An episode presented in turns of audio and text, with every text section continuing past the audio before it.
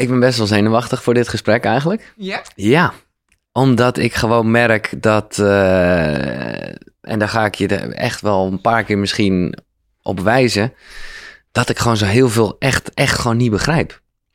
En gewoon in, in woorden en, en eh, misschien ook dat af en toe mijn ego me plat legt als ik, als ik eh, artikelen van jou lees of filmpjes van je kijk. Dan merk ik altijd dat ik op een gegeven moment, woe, ben ik even weg. Maar dat vind ik juist, ik bedoel, het fascineert me, anders dan zat je hier ook natuurlijk niet. Ehm, als jij een visitekaartje zou hebben, Annaloes, en er zou één ding op mogen staan, hè, want ik kan een heel rijtje gaan opnoemen. Maar wat, wat zou dan jouw beroep zijn? Hmm. Leven werken vanuit de levende systemen. Ja, precies. Is wel dat systeem. Ik las ergens, vond ik een mooie systeemarchitect. Ja, ja. Ehm, dus, en uiteindelijk, hè, dat ken ik van, van familieopstellingen en dergelijke. eh, alles, alles is een systeem. Dus op een gegeven moment kun je het heel meta maken. En is gewoon het hele universum ook een systeem. Het leven zelf is natuurlijk één groot. Ja, ja, prachtig systeem. Alleen het probleem is dat we komen natuurlijk van een hele mechanistische benadering, honderden jaren lang. In de wetenschap, eh, in de economie, in de politiek. Waarbij er steeds meer dat gedachte was dat je alles in kleine stukjes moet eh, opbreken en Ja. indelen. ja. Nou, dat heeft heel veel kapot gemaakt. Maar En wat is dan, eh, hoe bedoel je mechanisch? Nou, bijvoorbeeld de, de gedachte van Newton, alsof het universum met mechanistische wetten aan elkaar hangt. Alsof de deeltjes los zijn. Alsof je het Ja, grote ja, geheel alleen maar weer terug kan vinden door de deeltjes bij elkaar te brengen. Juist misschien door de behoefte om het met wetenschap te, te verklaren, zijn we voorbij gegaan aan, aan dat alles één is. ja, Dat, Ja. eh, Oké. ja. En het vele diepere grote geheel. En daarmee is ook het hele stuk van natuurlijk de filosofie, spiritualiteit, eh, inheemse wijsheden zijn helemaal losgetrokken.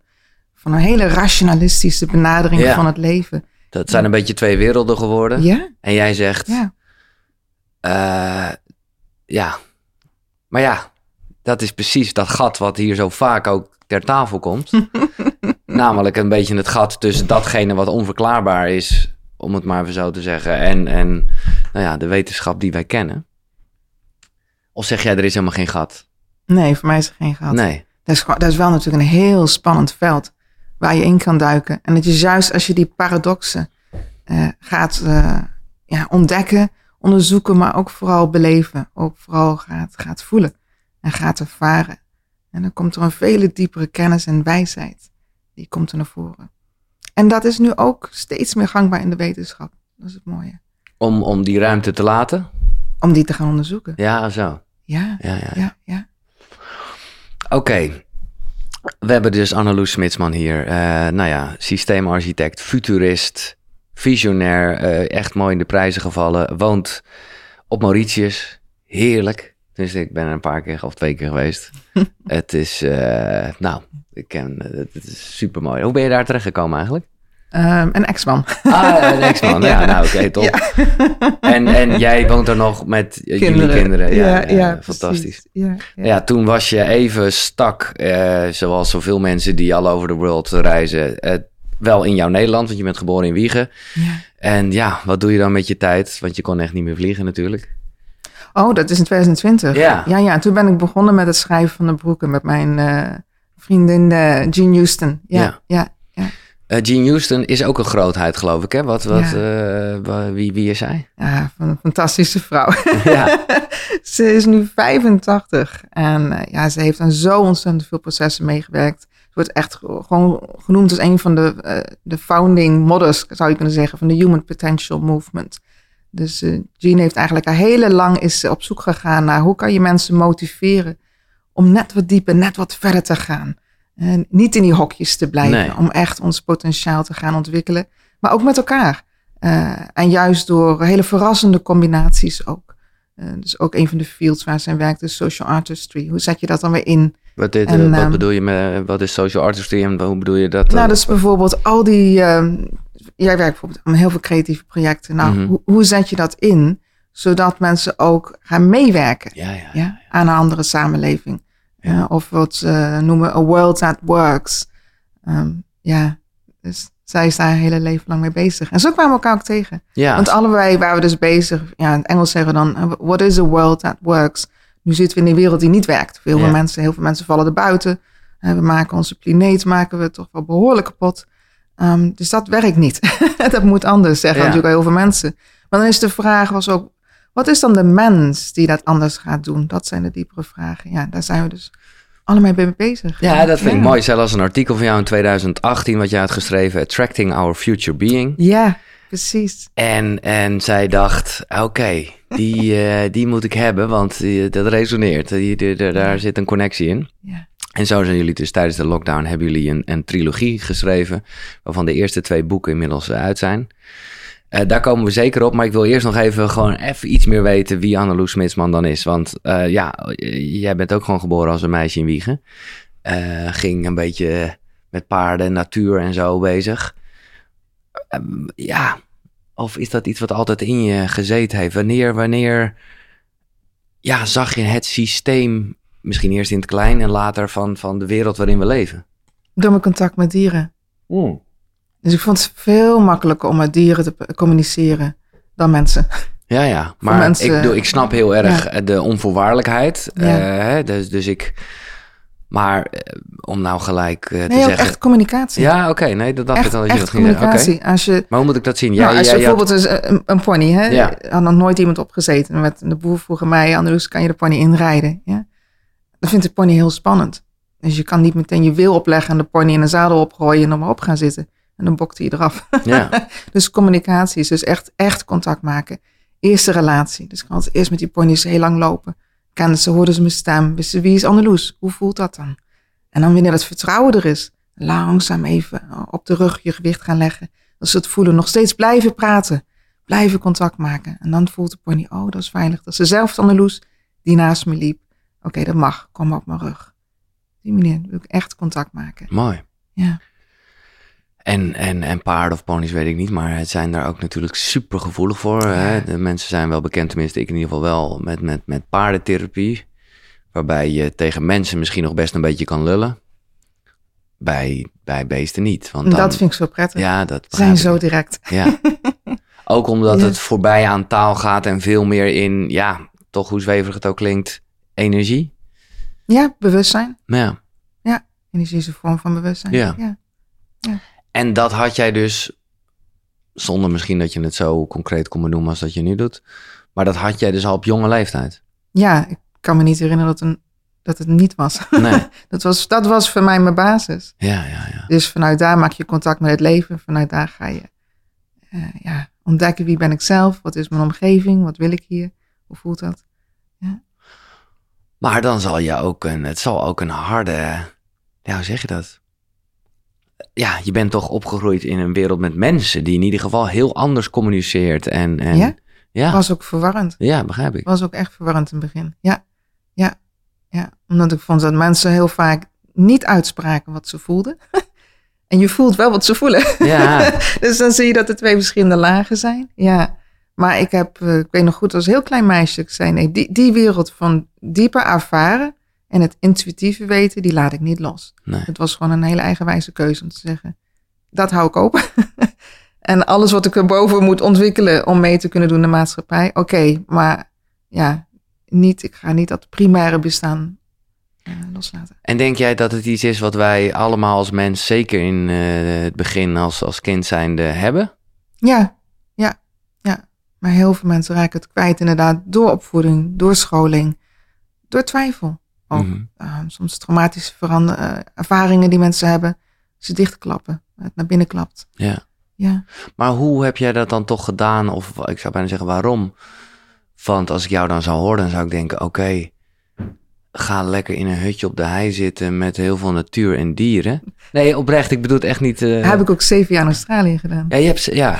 nou, maar daar, daarvoor, eh, Ja. maar misschien was je toen juist zoeken en zo, ben jij juist heel erg eh, bezig met, met, met Europese jongerenpolitiek en zo. Ja. Ik Ja. denk dan, ja, pff, met, met, waar ga je, waar, waar, waar begin je aan? Nou ja, juist omdat je, omdat je dus, als je dus echt je verbindt met de natuur, dan voel je ook wat er misgaat. Ja, En ik had vanaf heel klein eh, al verschrikkelijke eh, dromen, nachtmerries over deze tijd. De tijd letterlijk waarin we nu zitten? nu, nu. Ja, ja, ja. Ja, en dat kon aan mij niet geplaatst worden. En mijn ouders daarom vroeg, "Maar wat gebeurt er dan? En papa, hoe kan het dan dat ik dan het gevoel heb dat eh, als ik straks oud ben, dat er dan miljarden mensen opeens doodgaan? En waarom dan? En wat doen we dan niet goed aan de aarde? En waarom hebben er straks zoveel mensen honger? En Ja. waarom gaat die zeespiegel omhoog? Allemaal vragen, vragen, vragen. Ja, geen antwoorden.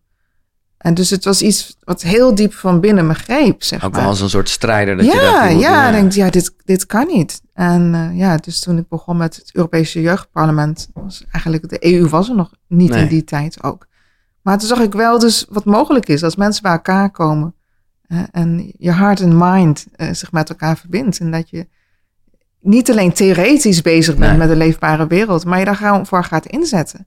En dan zie je ook van dat is nogal een transitieproces. Dat is een gigantisch transformatieproces. Want we gaan keihard een hele andere richting op. En maken het steeds complexer eigenlijk.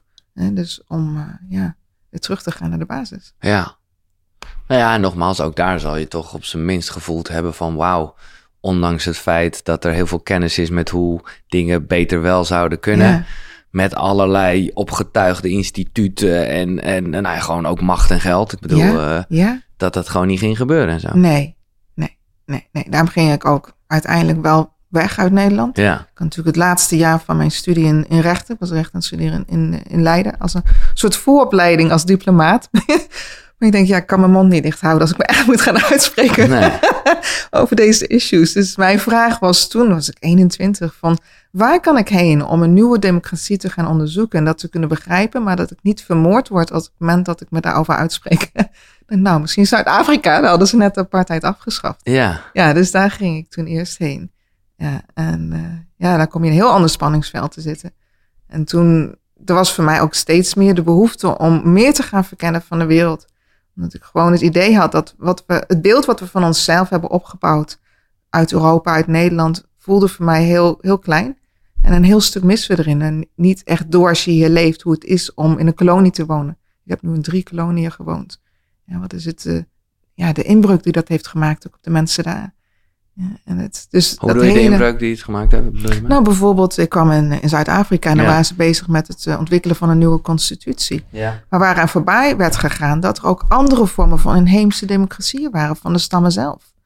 En, en, en in plaats van dat dat echt werd ingezet vanuit die diversiteit en ook hun, hun eigen inheemse manieren erbij werd gezet, is toch heel erg al die vormen telkens opgelegd. ja. Ja, en dan zie je gewoon de ellende die eruit voortkomt. Ik wil het zeggen, dan moet je net in Nederland zijn, wat natuurlijk een soort opeenstapeling is van gereguleerde Ja. dingetjes. Met de beste bedoeling hoor, ik sta er niet heel Ja. negatief in. Alleen Ja, ik voel ook wel wat jij zegt, dat het allesbehalve natuurlijk is. Ja, ja. dus dat, zo, dat, dat was het begin van een hele lange reis. En, en ik was erg op zoek ook naar onze eigen inheemse wortels. Hoe zit het dan hier in Nederland? Ja, Ja, en, en waarom hebben we het daar zo weinig over?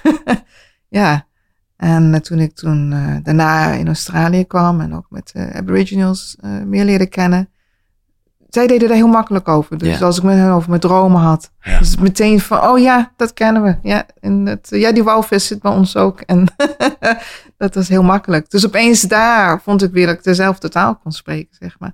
En hoe Wat ging daar je omgeving mee ja. Want je hebt het al over dat jij als klein meisje al die vragen stelde. Nou, dat is eh, op zich behoorlijk kind eigen.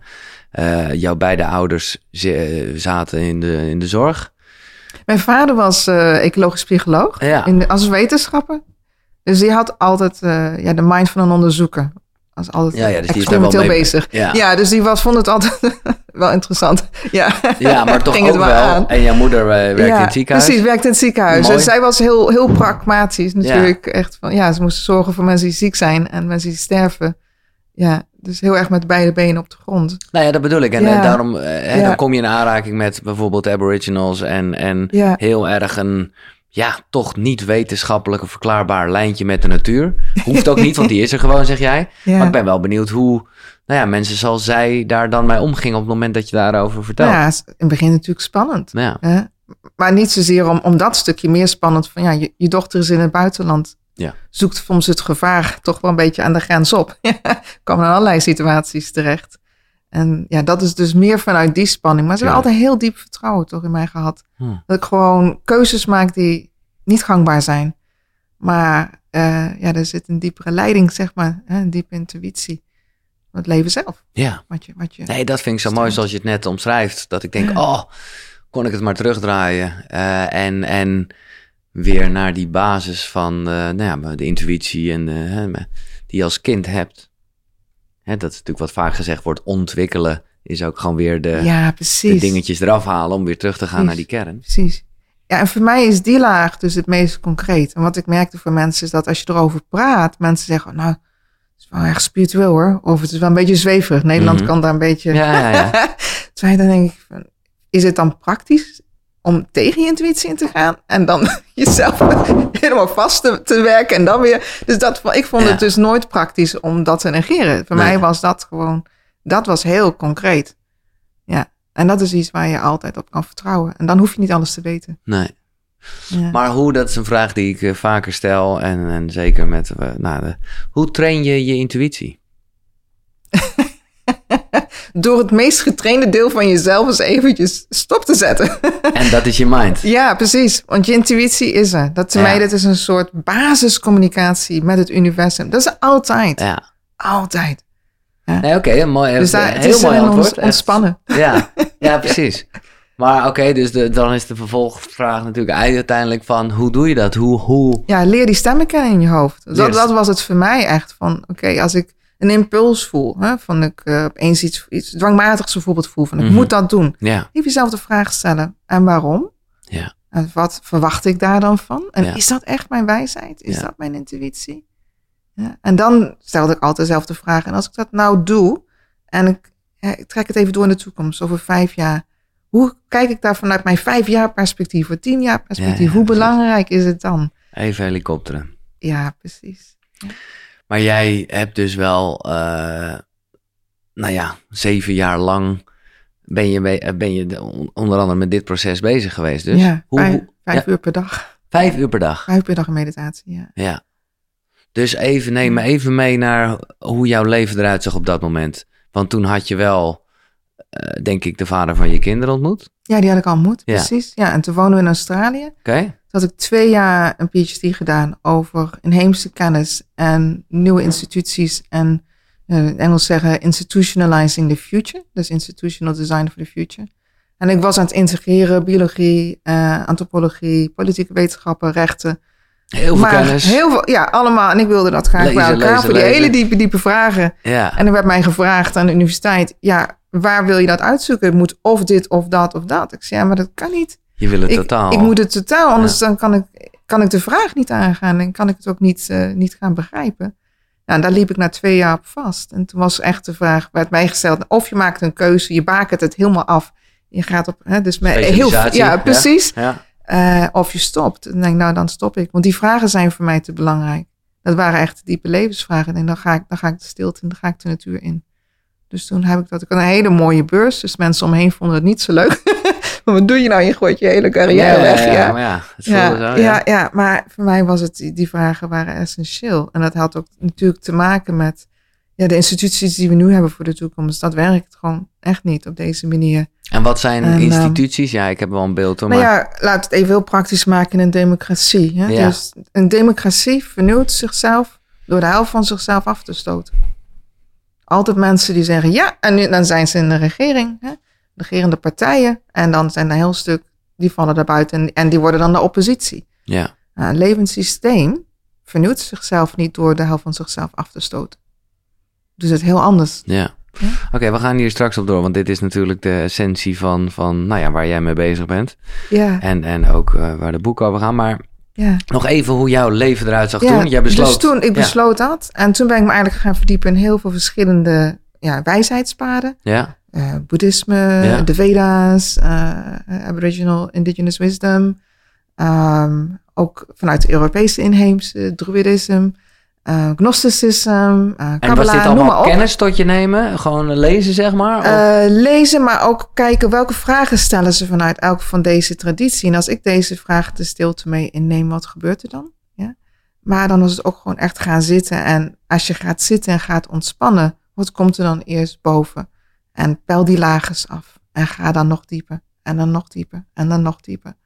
Ja, Dus met een Dus vraagstuk een- van de dag zou ik bijna zeggen, of misschien van, van, een- van een paar Ja. dagen, ging jij echt zitten. Ja, Dan zal je eerst gewoon de dagelijkse onrust hebben die even in je hoofd verschijnt Precies. van eh hè, je Anneloes als moeder en eh, ik moet de was nog doen. ja, Eh, maar goed, Ja. daar ben je dan op een gegeven moment wel goed getraind in. ja. Nou, ik was, had toen nog geen kinderen, heel bewust. Oh, oké. Dus het, ik had echt het gevoel, ik moet dat nu doen voordat ik moeder word. Ja, oké. Om echt die, die stilte in te gaan. Maar dan ook in de natuur. Dus ik was heel veel uren in de natuur. Ging gewoon lopen, ging bos in, Ja. ging zitten. Nee, oké, het was een combinatie van zitten, lopen, maar wel ja, in maar, jezelf maar gekeerd. echt in jezelf. Ja. En, en dan ook je eigen thema's aanpakken.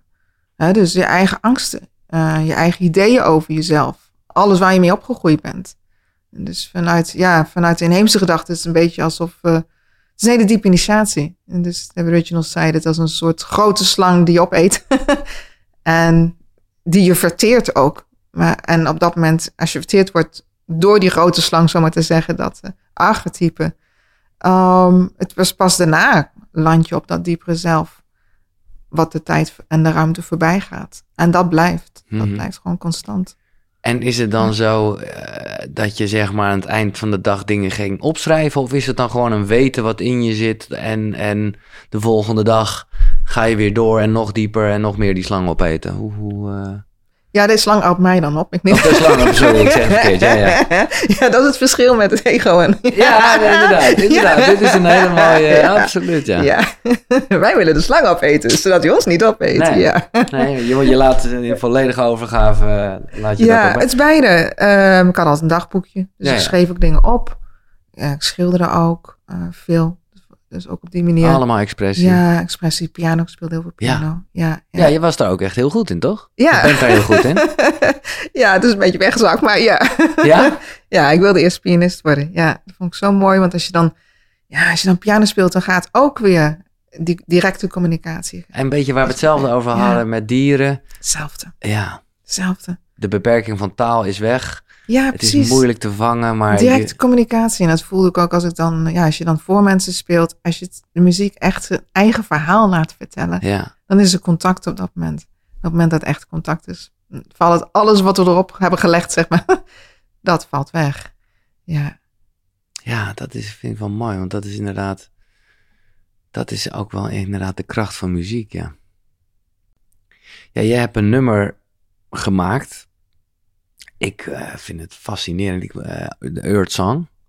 Oh ja, daar zijn we mee bezig. Ja, ja. Nou ja, ik heb al een soort sneak preview heb jij op ja, je ja, site eh, ja. staan. Ja, ja. Ja, het doet me heel erg denken aan, nou ja, het is, hè, aan, aan, aan inderdaad ja, een soort traditionele vanuit in, inheemse bevolkingenachtige song. Ik moest ook wel denken, en ik weet niet of je dat in die tijd ook gebruikt of dat je mee geëxperimenteerd hebt met, met, met ja, ayahuasca of andere. Nooit, want was het niet nodig. Nee, dat was niet nodig. Nee, ik doe mijn ogen dicht en... Ja, nee, maar goed, omdat je die Ja. stammen bestudeerde, Nee, nee, natuurlijk. dan zie je natuurlijk Ja, wel dat dat... ja. eh, Maar bij mij waren die, die poorten waren zo open. Ja, nee, eens. Oké, dat snap ik dan. ja. ja. Maar het, het deed me daar ook wel een beetje aan denken. Ja, Gewoon, dit- eh, maar ja, maar heel veel mensen die er wel doen, komen op dezelfde ervaring uit. En dat is wel mooi. ja. Maar voor mij, ja, Nee. je kan ook gewoon de plant zelf in je handen nemen. Dus het, hoeft het niet, ja, precies. Ja. Dus dat deed ik ook heel veel in Australië. Je, je pakt een steen, je pakt een bloem. En je wordt even gewoon stil. Maak het mogelijk dat de bloemen, de steen en de aarde met je communiceert. Dus maak jezelf eerst ontvankelijk. En laat die dan het verhaal vertellen. Ja, dat, dat zijn mijn boeken. Ik weet dat je straks gaat vragen over ja, maar ja, ja. dat was voor mij zo van boeiende. Dat, die informatie. En doet het jou nog iets? Want ik moet zeggen, dit raakt me heel erg op een goede manier. Ik denk, ja, maar tegelijkertijd ben ik natuurlijk heel eh, westers, Nederlands opgevoed. Waardoor ik denk, oh nee, je wordt voor gek verklaard als je met een steen gaat zitten in je hand en eh, daar eens even lekker mee gaat communiceren. ja, en dat vind ik dus zo raar dat mensen dat gek vinden. Ja, Dat jij ik- keert hem om, ja. Ja, ik vind Nee, dat. heel goed. Ja, ik bedoel, kijk nou, kijk nou om, om je heen, de hele natuur. Hè? Die aarde die leeft. Ja, Hoe we dat echt gaan merken is als je het kapot maakt. dan wordt iedereen ziek. Nou dan. dat hebben we gemerkt. dan weten we wel wat er gebeurt. Dus, dus die aarde leeft. Ja, We leven in een universum van bewustzijn. Dus die, die steen, die heeft ook, die is onderdeel van het lichaam van de aarde. Die is zo oud. ja. Maar hoe verklaar jij dat ja, is dat angst, eh, ego, weet ik van. Nou ja, laat Ja, ik denk dat mensen gewoon een beetje in de maatschappij zo'n beeld hebben van vinden het raar. Ze zijn bang raar gevonden te worden. Ja, dat, Mhm. dat maakt mij echt helemaal niks Nee. uit. Dat Nee, ja, dat, oké, maar Ja. sowieso, hoe, hoe zijn we tot hier gekomen dat we gewoon alles zo, eh, Ah. eh, ja, dat, dat dit hele systeem gemaakt is, zou je Ja, een hele zeggen. goede vraag. Want kijk, kinderen hebben er geen enkel probleem Nee. mee om die steen op te pakken. We hebben mijn kinderen zo vaak gedaan. Lekker zitten in de tuin, pakken we even de steen. Zeg, nou, stel je eens voor, als jij als steen hier hebt gezeten en zie je al die mensen voorbij komen en dieren. En ja, hoe, hoe, hoe ziet de geschiedenis er dan uit? Ja, dus ze hebben er geen enkel probleem mee. Ja, dus hoe komen we daarop? Dat we dus andere, andere dingen belangrijker maken. En dat worden dus doelen op zichzelf en die gaan we weer nastreven. En dat wordt een eigen leven. En voordat weten zitten we er helemaal in vast. Ja. En bouw je daar weer op. En dat is een beetje wat jij ja. net eh, zei met die systemen. Dat herken ik wel heel erg. Ja. En dan lijkt het bijna alsof je ook niet meer terugkwam. Want dan, dan Ja, daar heb je zoveel in geïnvesteerd. En Ja. dan zeggen mensen, ja, maar als ik dat nu loslaat, dan raak ik al dat kwijt. ja. Ja. Eh, maar de Earth Song eh, is nog niet helemaal af, begrijp ik. Wat nee, ik nee, we zijn Oh, er echt mede mee bezig. Dus we zijn, het idee is dat we dus met veel verschillende stammen uit de wereld, 13 verschillende, die op een eigen manier dat gaan zingen. Ja, Met hun eigen klanken er ook bij en hun eigen ceremonie. Dat nemen we dan weer opnieuw op. En dat delen we dan met mensen over de hele wereld. En dan kan iedereen zijn eigen Earth Song daarvan maken. Maar hij begint met een echte roep, zo'n oerroep. hè. Mhm. En dat is ook om eigenlijk terug te komen in die klank. Eh, dat het niet gaat om mooi zingen. Nee, exact. En, en Ja. even waar we het net over hadden. Eh, deze gaat eigenlijk ook voorbij nog aan mensen. Ik bedoel, dit is... Ja, Ik bedoel, eh, als het goed is, dan eh, gaan de dieren erop aan en de stenen bewegen. Nou, dat is een beetje flauw Ja. ik zeg, maar snap je Ja. ik bedoel, toch? ja zingen is communicatie. Dus kijk, ik heb heel veel inheemse vrienden. Dus zij zei altijd in de tijden dat het met de mensheid slecht is gegaan en moeilijke tijden. Wat je doet als een inheemse community is je komt bij elkaar. En je hebt je ceremony, je song, je dreams en je visions. En zo, zo bouw je ook gewoon, eh, ja, die gemeenschap, hou je die sterk. Bereid je je ook voor, voor moeilijkere tijden. Mhm. Zingen is altijd daarin centraal geweest. En zingen is ook weer, is natuurlijk communicatie. Het is trilling, het is je afstemmen hè? Eh, op de natuur. Dus ja, dat, het kwam eigenlijk, de Earth Song kwam voort uit de vraag van mij naar moeder aarde. eh, hoe kunnen we nou een social tipping point maken? Dus we hebben dus, eh, heel veel hoor je over tipping points, Mhm. planetaire tipping Ja, points. ja, ja. Degene die we niet willen. ja, dat is precies, die, eh, die omslagpunten. Uh, maar wat is nou een social tipping point? Waar mensen gewoon echt in een gevoel van, we zijn met elkaar. ja. Mhm. Ja, dat is muziek natuurlijk fantastisch. Ja. En dat was het idee van de, ook van de Earth Song. Dus wat is de vraag die ik dus had ook van... Wat, waar kan iedereen zich mee verbinden? Nou, moeder aarde is de enige moeder die we allemaal gezamenlijk hebben. Dus dan, hè, even mooi bedacht, da- en dat- ik geloof dat ook, Ja, dat, dat, dat eh, hè, de, de aboriginal in, het, eh, in de jungle, zou ik maar even zeggen, en eh, de gast met zijn koffertje en zijn pak aan op Wall Street, dat Ja. die alle twee voelen, hey, ja. wij zijn mensen, wij, wij zijn, nou ja, niet eens alleen mensen, wij zijn, En zing, en zing voor, je moeder, voor de moeder die je gezamenlijk hebt. ja. Dus niet zingen voor de studio, maar zing voor moeder aarde. Sta naast haar in deze moeilijke tijd. Wees er voor haar. Kan je, kan je Earth Song een stukje op de piano doen? nee. Nee? Maar mag ik, eh, mag ik een klein stukje eh, Ja. erin eh ja, editen? natuurlijk. Dat is Ja. prima. Ja. Oké, want ik, vond, ik vind Ja. het echt fascinerend. Oké, en- maar we kunnen natuurlijk wel samen de klank van.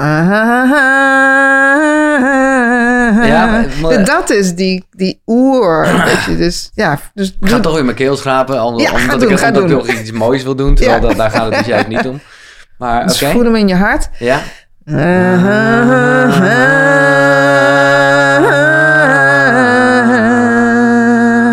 Ja, nog meer.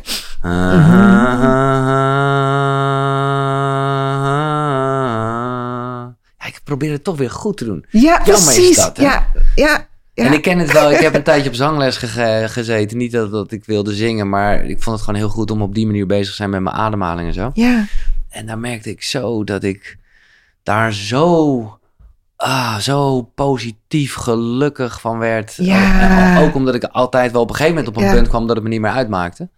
Maar ik merk dat hier vind ik het heel moeilijk om even bam, zo in die... eh, Maar ik zal in ieder geval een klein stukje nu Ja, eh, op de achtergrond. Graag. nou ja, ik zet hem nu wel even aan en dan. eh, want ik vind het echt. Ja. Want dat, dit is gewoon tot jou gekomen, mag ik dat zo zeggen? Ja, ja, ja. Ja.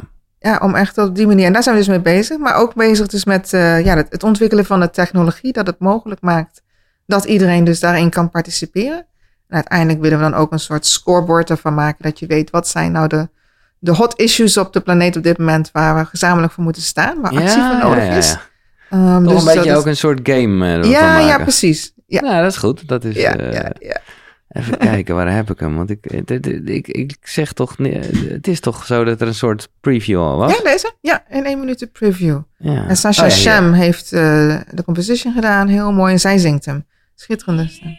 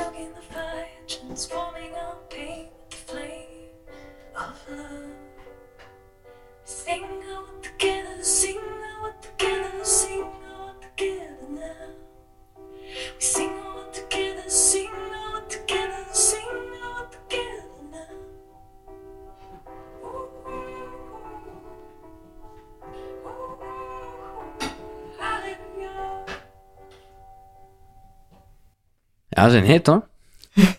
Dank je. Maar het is, ik bedoel, Ja. hij is nu in het Engels, maar eigenlijk zou het natuurlijk op een gegeven moment, moet het verder gaan dan een taal Ja. toch eigenlijk? Ja, en, en we, gaan dus, we vragen dus ook andere mensen die dat dan eh, ook op hun manier zingen, ook in eigen taal. Dus Ja. dan ook in het Nederlands. Kinderen op school ook Ja, gaan zingen. Ja, 424 hertz vind ik dan mooi, want dat Ja, is de, precies. de, de Ja, frequentie van het hart hè? ja, ja, precies. En, en nou ja, een wat grotere vraag die hier eh, achter zit dan. Bedoel, dit komt tot jou. Ja, ik vind het machtig mooi, natuurlijk sowieso. Maar ja, dat, ja wat, wat, wat is jouw missie? Ja, dat is een goeie. Ja, ik denk eigenlijk het voornaamste is gewoon echt blijven luisteren naar het leven zelf. Wat wil het leven mij als de volgende stappen? En, en hoe kan ik op die volgende stappen de stappen weer meer mogelijk maken, ook voor anderen? Dus zo zie ik eh, mezelf. Ik maak vaak wegen waar wegen nog niet bestaan. Ik Ja. open poorten die er op dat moment niet zijn. Het is geen eenvoudig werk. Ik raad het niet anderen aan. het is eh, geen, geen makkelijk leven. Um, maar ja, dat is de keuze die ik heb gemaakt. Ja. En uh, Maar wa- waar, waarom zeg je Ja. dat? Want ergens, nou, ik, zeg niet, ik, ik zeg niet, je hebt wel een makkelijk leven, zeker niet. Maar ergens oh, ben ik ook, nou, kijk ik op tegen, tegen nou ja, de rust die je hebt genomen om, om, om heel erg naar binnen te gaan. En natuurlijk kom je dan heel veel onrust tegen, maar ja, laat ik het zo zeggen. Ik denk dat er genoeg mensen zijn die zullen denken, ja, wacht eens even, ik moet elke dag naar de fabriek of naar kantoor. En jij eh, bent gewoon een beetje lekker aan het filosoferen over de toekomst van de mensheid. nee, het is keihard werken. Ja, Ja. maar in, bedoel je dat? Nee, ik bedoel, is, als je kijkt, het publiceren nu, het Ja. schrijven erover, Ja. het doorwikkelen naar nieuwe systemen, werken aan nieuwe economische modellen. We zijn nu zelfs met een nieuw eh, digitaal muntensysteem mee, mee bezig. Dus er zijn, ja, dat is echt, is heel veel werk. En het, ja, zorgen dat je echt op de hoogte blijft ook van wat zijn de laatste stukken in de wetenschap ook waar je mee kan werken. Wat speelt er ook in de maatschappij? Uh, hoe, hoe, ja, hoe innoveer je? Ja. Dus ook heel veel nieuwe, nieuwe processen. Dus dat is niet. Uh, nee, dus daarom zei ik die zeven jaar. Ik was toen uh, in de twintig. Ja, ik ben nu 48. Mm. um, daar ben ik heel dankbaar voor. Want dat is een basis nu met alles wat ik doe. Dus ja, die rust is er in. En maar daardoor is het ook mogelijk dat je zoveel aan kan pakken. Ja. Ja. Waarbij je ongetwijfeld af en toe weer eventjes uh, wel uh, moet gaan zitten of even lopen om weer even... Oh ja, je moet je balans. Ja. Dat is heel belangrijk. Ja, ja. Maar ik denk ook voor de mensen, zelf wel, je hebt een baan dat je uh, als bakker of Mhm. in de fabriek, waar het om gaat is, hoe ga je die aan? Ja. Wie ben jij als mens in dat proces? Hoe sta je op? Hoe ben je naar de andere mensen om je heen? En dan kan je ontzettend veel betekenis geven. Dus voor mij gaat het, je maakt niet een maakbare wereld door daar allemaal boeken over te schrijven of eh, mooie shows over te doen. Je- Het, is in het zit hem echt in het dagelijks contact, in het doen en wie je bent. En eh, ja, hoe je met elkaar omgaat. Jij hebt, eh, ja, zo komen ze weer vijf, zes jaar geleden, een, een mooie TEDx-talk Mm. gehouden. Ja. Ja, ik merk gewoon heel erg, en dat geldt ook voor de boeken waar we eh, zeker nog over gaan hebben. eh, ja, voor mij is eh, taal best een beperking. Ja, Dat is Engels, dus in dit geval. Dus ik ben heel blij dat Ja. ik hier in het Nederlands heb. Eh, want, eh, dus ik zou eigenlijk, ik weet niet of het voor jou gedateerd is, maar ik voelde wel echt een soort mooie, hè, drie vragen. Dat was jouw TEDx-talk. Drie vragen eigenlijk als een soort tool die je zelf kan stellen. Waarbij, en corrigeer me vooral als ik iets eh, niet helemaal goed eh, heb begrepen of vertaal. Waarbij vooral, ja, jij echt de liefde als kracht eh, ja, inzet om, om, ja, om de wereld te veranderen. Ja en ik gebruikte daar dus het symbool van de vector van. Ja, want de vector heeft een beginpunt. maar wat is een vector? Nou, een vector, het is een, als je bijvoorbeeld ook eh, vector images, Ja. leuk is als je die dus vergroot, Ja, dan raakt hij niet zijn oorspronkelijkheid kwijt. Nou, Nee. liefde is ook een beetje zo. Je maar kan wat is het Nederlandse woord voor vector? Ik weet het, ik weet, vector, ja, goede vraag. jij weet het ook niet. Ik ga het even opzoeken. Nee, ik heb weet- het altijd al. ik zat toen nog te denken ge- van, ja. bedoelt, bedoelt ze een magneet? Of, Nee, eh, Nee, een vector is eigenlijk een, een, een ja, je kan hem, wordt ingezet vaak als een pijl in de het ruimte. is ook gewoon een vector, ja. Het is echt gewoon een vector. wordt ook in de wiskunde gebruikt. Ja, nou ja, kijk. Maar hij wordt ook met vector images. Dus op verschillende manieren wordt het woord gebruikt. Maar het is gewoon echt een vector. Dus een vector heeft een, een beginpunt. Dus als we, als we even als een, als Ja. een dynamische pijl dan maar zien. Ja, als dat makkelijk is te visualiseren. Heeft een beginpunt. Nou, liefde heeft ook zijn oorspronkelijkheid. Dus de eerste vraag is, wat is jouw punt van oorsprong? Dus waar, waar, dus is, waar is begin het je? een, is het een eh, moet ik het zien als een, als een, als Een, een pijl in een cirkel. een pijl in de En, cirkel? en die kan verschillende wegen, manieren bewegen. Dus Ja. hij heeft bereik. Oké, ja, ja. Bereik, dus eigenlijk de, de, de wijdheid van, van deze pijl. Ja, En hij heeft richting. Dus hij komt ergens, hij staat ergens op geankerd. Ja, dus je oorsprong. ja. Dat is de vraag, wat is jouw beginpunt? Is je, is je oorsprong alleen maar... je- vraag, dat is de eerste vraag. Is dat Ja. gewoon, hè, is jouw oorsprong? Ja. is, het, is jouw oorsprong Giel? Is- jouw oorsprong Giel als mens? Is jouw oorsprong Giel als Nederlander? Eh, of hè, of is, gaat het nog, nog Veel dieper. groter? Veel dieper, precies. Veel dus dat is de eerste vraag. ja. Dus wat is, want dat, dat is het beginpunt van jouw vector. En Dus wat is je punt van oorsprong? En dan voel je dat dan ook datzelfde punt van oorsprong in anderen. Ja? En de tweede is dan, ja, hoe, Hey, wat is je bereik? Dan gaan ja, we, we doen even rustig aan. Ja. Want ik, ik wil dat iedereen dit een beetje voelt. En, eh, ja, dus eigenlijk hè, daarnet een beetje dat oergevoel wat zo'n song ook weer in me oproept. En waar we het over hebben. Dat we als mensen allemaal nou ja, op dezelfde planeet zijn. En de planeet een onderdeel van ons is. Eh, even hè, dat wij allemaal energie zijn. Dat is waar de pijl vandaan komt. Ja. Dat is... Oké, dus dat is de eerste Ja. vraag. En dat, eh, dat... Ja, ik voel dat heel erg. Dat is, dat, ja, dat is wel gewoon de essentie. Oké, dus dat is het ding. Waar kom ik vandaan? Dat is de eerste vraag die je moet stellen en eh, dat weer even voelen. Dat Ja. is, eh, ik moet zeggen, ik vind het echt gaaf dat dit zo ter sprake komt. Want dat is voor mij het woord koekeroe. Wat ik zelf Oh, maar een ja. beetje bedacht heb. Omdat ik gewoon dacht, ja, ik, ik, er is geen woord voor. Dat is, soms is, eh, eh, zullen mensen zullen het ziel noemen of hart of je onderbuik. En maar dan is het nog heel erg bij jezelf. Terwijl het is veel breder dan dat. Precies. Het is, het is een essentie. Ik vind ware zelf al te beperkt. Omdat ik denk, ja, dan gaat het toch nog weer om het persoontje. En het is gewoon het universele. Exact. Nou, oké. dus dat is koekeroe. Waar kom je vandaan? Ja. De eerste vraag. Precies. En dan? ja, ik vind het lekker. Heel goed. En Ja. dan de tweede is dus je rijkwijde. Dus, dus vanuit die oorsprong, hoe diep kan jij naar binnen reiken? Daar, naar, dat, naar die oorsprong. Mhm. Maar ook dus je rijkwijde naar, naar de ander. Dus hoe kan je daar contact mee maken met de ander? Dat is de tweede. En dat, dat geeft eigenlijk het bereik van deze vector, van die pijl, ja, aan. ja, ja, ja. Ja, dat is heel belangrijk. En dus weten dus hoe, hoe dieper je naar binnen kan gaan. Dus hoe meer je op dat universele punt uitkomt. Hoe meer je ook naar buiten kan. Ja, nee, want ik zou Dat bijna zeggen, een beetje flauw als ik het nu een beetje visueel voor me zit. Dan hoeft er geen pijl naartoe, want die onderlaag is namelijk eigenlijk allemaal Juist. connected. Dus waar je vandaan komt, bedoel... Dat is het veld. Ja. Dat is het veld. Hmm. Precies. Precies. Oké, en dan de derde vraag. is waar richt je op? Ja, Waar focus je op? ja. Dus hoe zet jij dat in?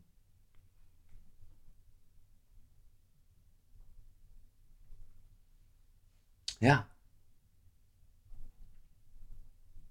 En jij zegt, en ik bedoel, dat is, dat, is, eh, dat is niet eens een aanname, dat voel ik aan alles. Dat is gewoon een feit. Als wij met z'n allen elke keuze, of gewoon het leven zo vanuit die gedachte zouden doen. Ja, maar het is wel, alles begint te trillen dan als het gaat, of te wankelen moet ik zeggen. Want, want ja, dan zijn er zoveel dingen waarvan je denkt, ja, hou er maar mee op. Of doe het anders. Of ja. doe het anders, laat ik het iets positiever zeggen, ja. Precies, ja. ja. Maar aan die existentiële crisis zitten we als mensheid nu ook.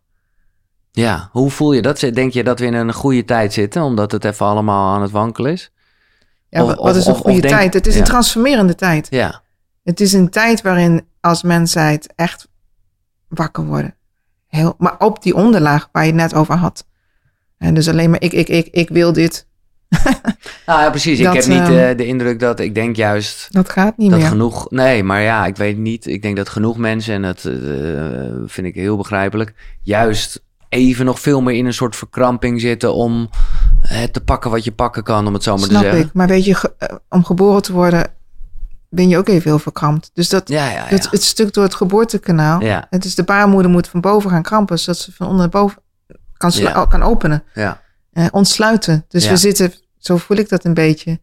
We zitten in dat geboortekanaal tegen die ontsluiting aan. Maar dat vraagt dus ook wel een beetje verkramping. Want hoe, hoe ja, dat, als je niet die weerstand voelt van het leven, ook van het, het leven zegt, nee, zo, Nee. Zo, zo niet. nee. Maar dat betekent niet dat je alles kwijtraakt, alles weggaat. Het is, dat is een hele nauwe blik. Maar wel even door dat geboortekanaal. En daarna verruimt het weer. We zitten echt in de renaissance. De, de, is echt in een nieuwe renaissance. Ja. Ja, ja, precies. Lekker. En Ja. dan, eh, ja, zoals dat gaat, zal, ja, zullen we elkaar daarin meetrekken, zeg maar. Ik bedoel, ah, hè, als je ervan uitgaat dat wij alle één zijn. Dat is dan wel de keuze. Ja. Hoe bedoel je dat het een keuze is? Nou, omdat er ook heel veel mensen zijn eh, Die blijven achter in de... die, die, die, die nu polariseren. Ja. Dus dit aangrijpen om verdeeldheid te creëren, Ja. om angst te creëren. ja, maar goed, even eh, En, een, eh, beetje zoals jij ja. net zegt.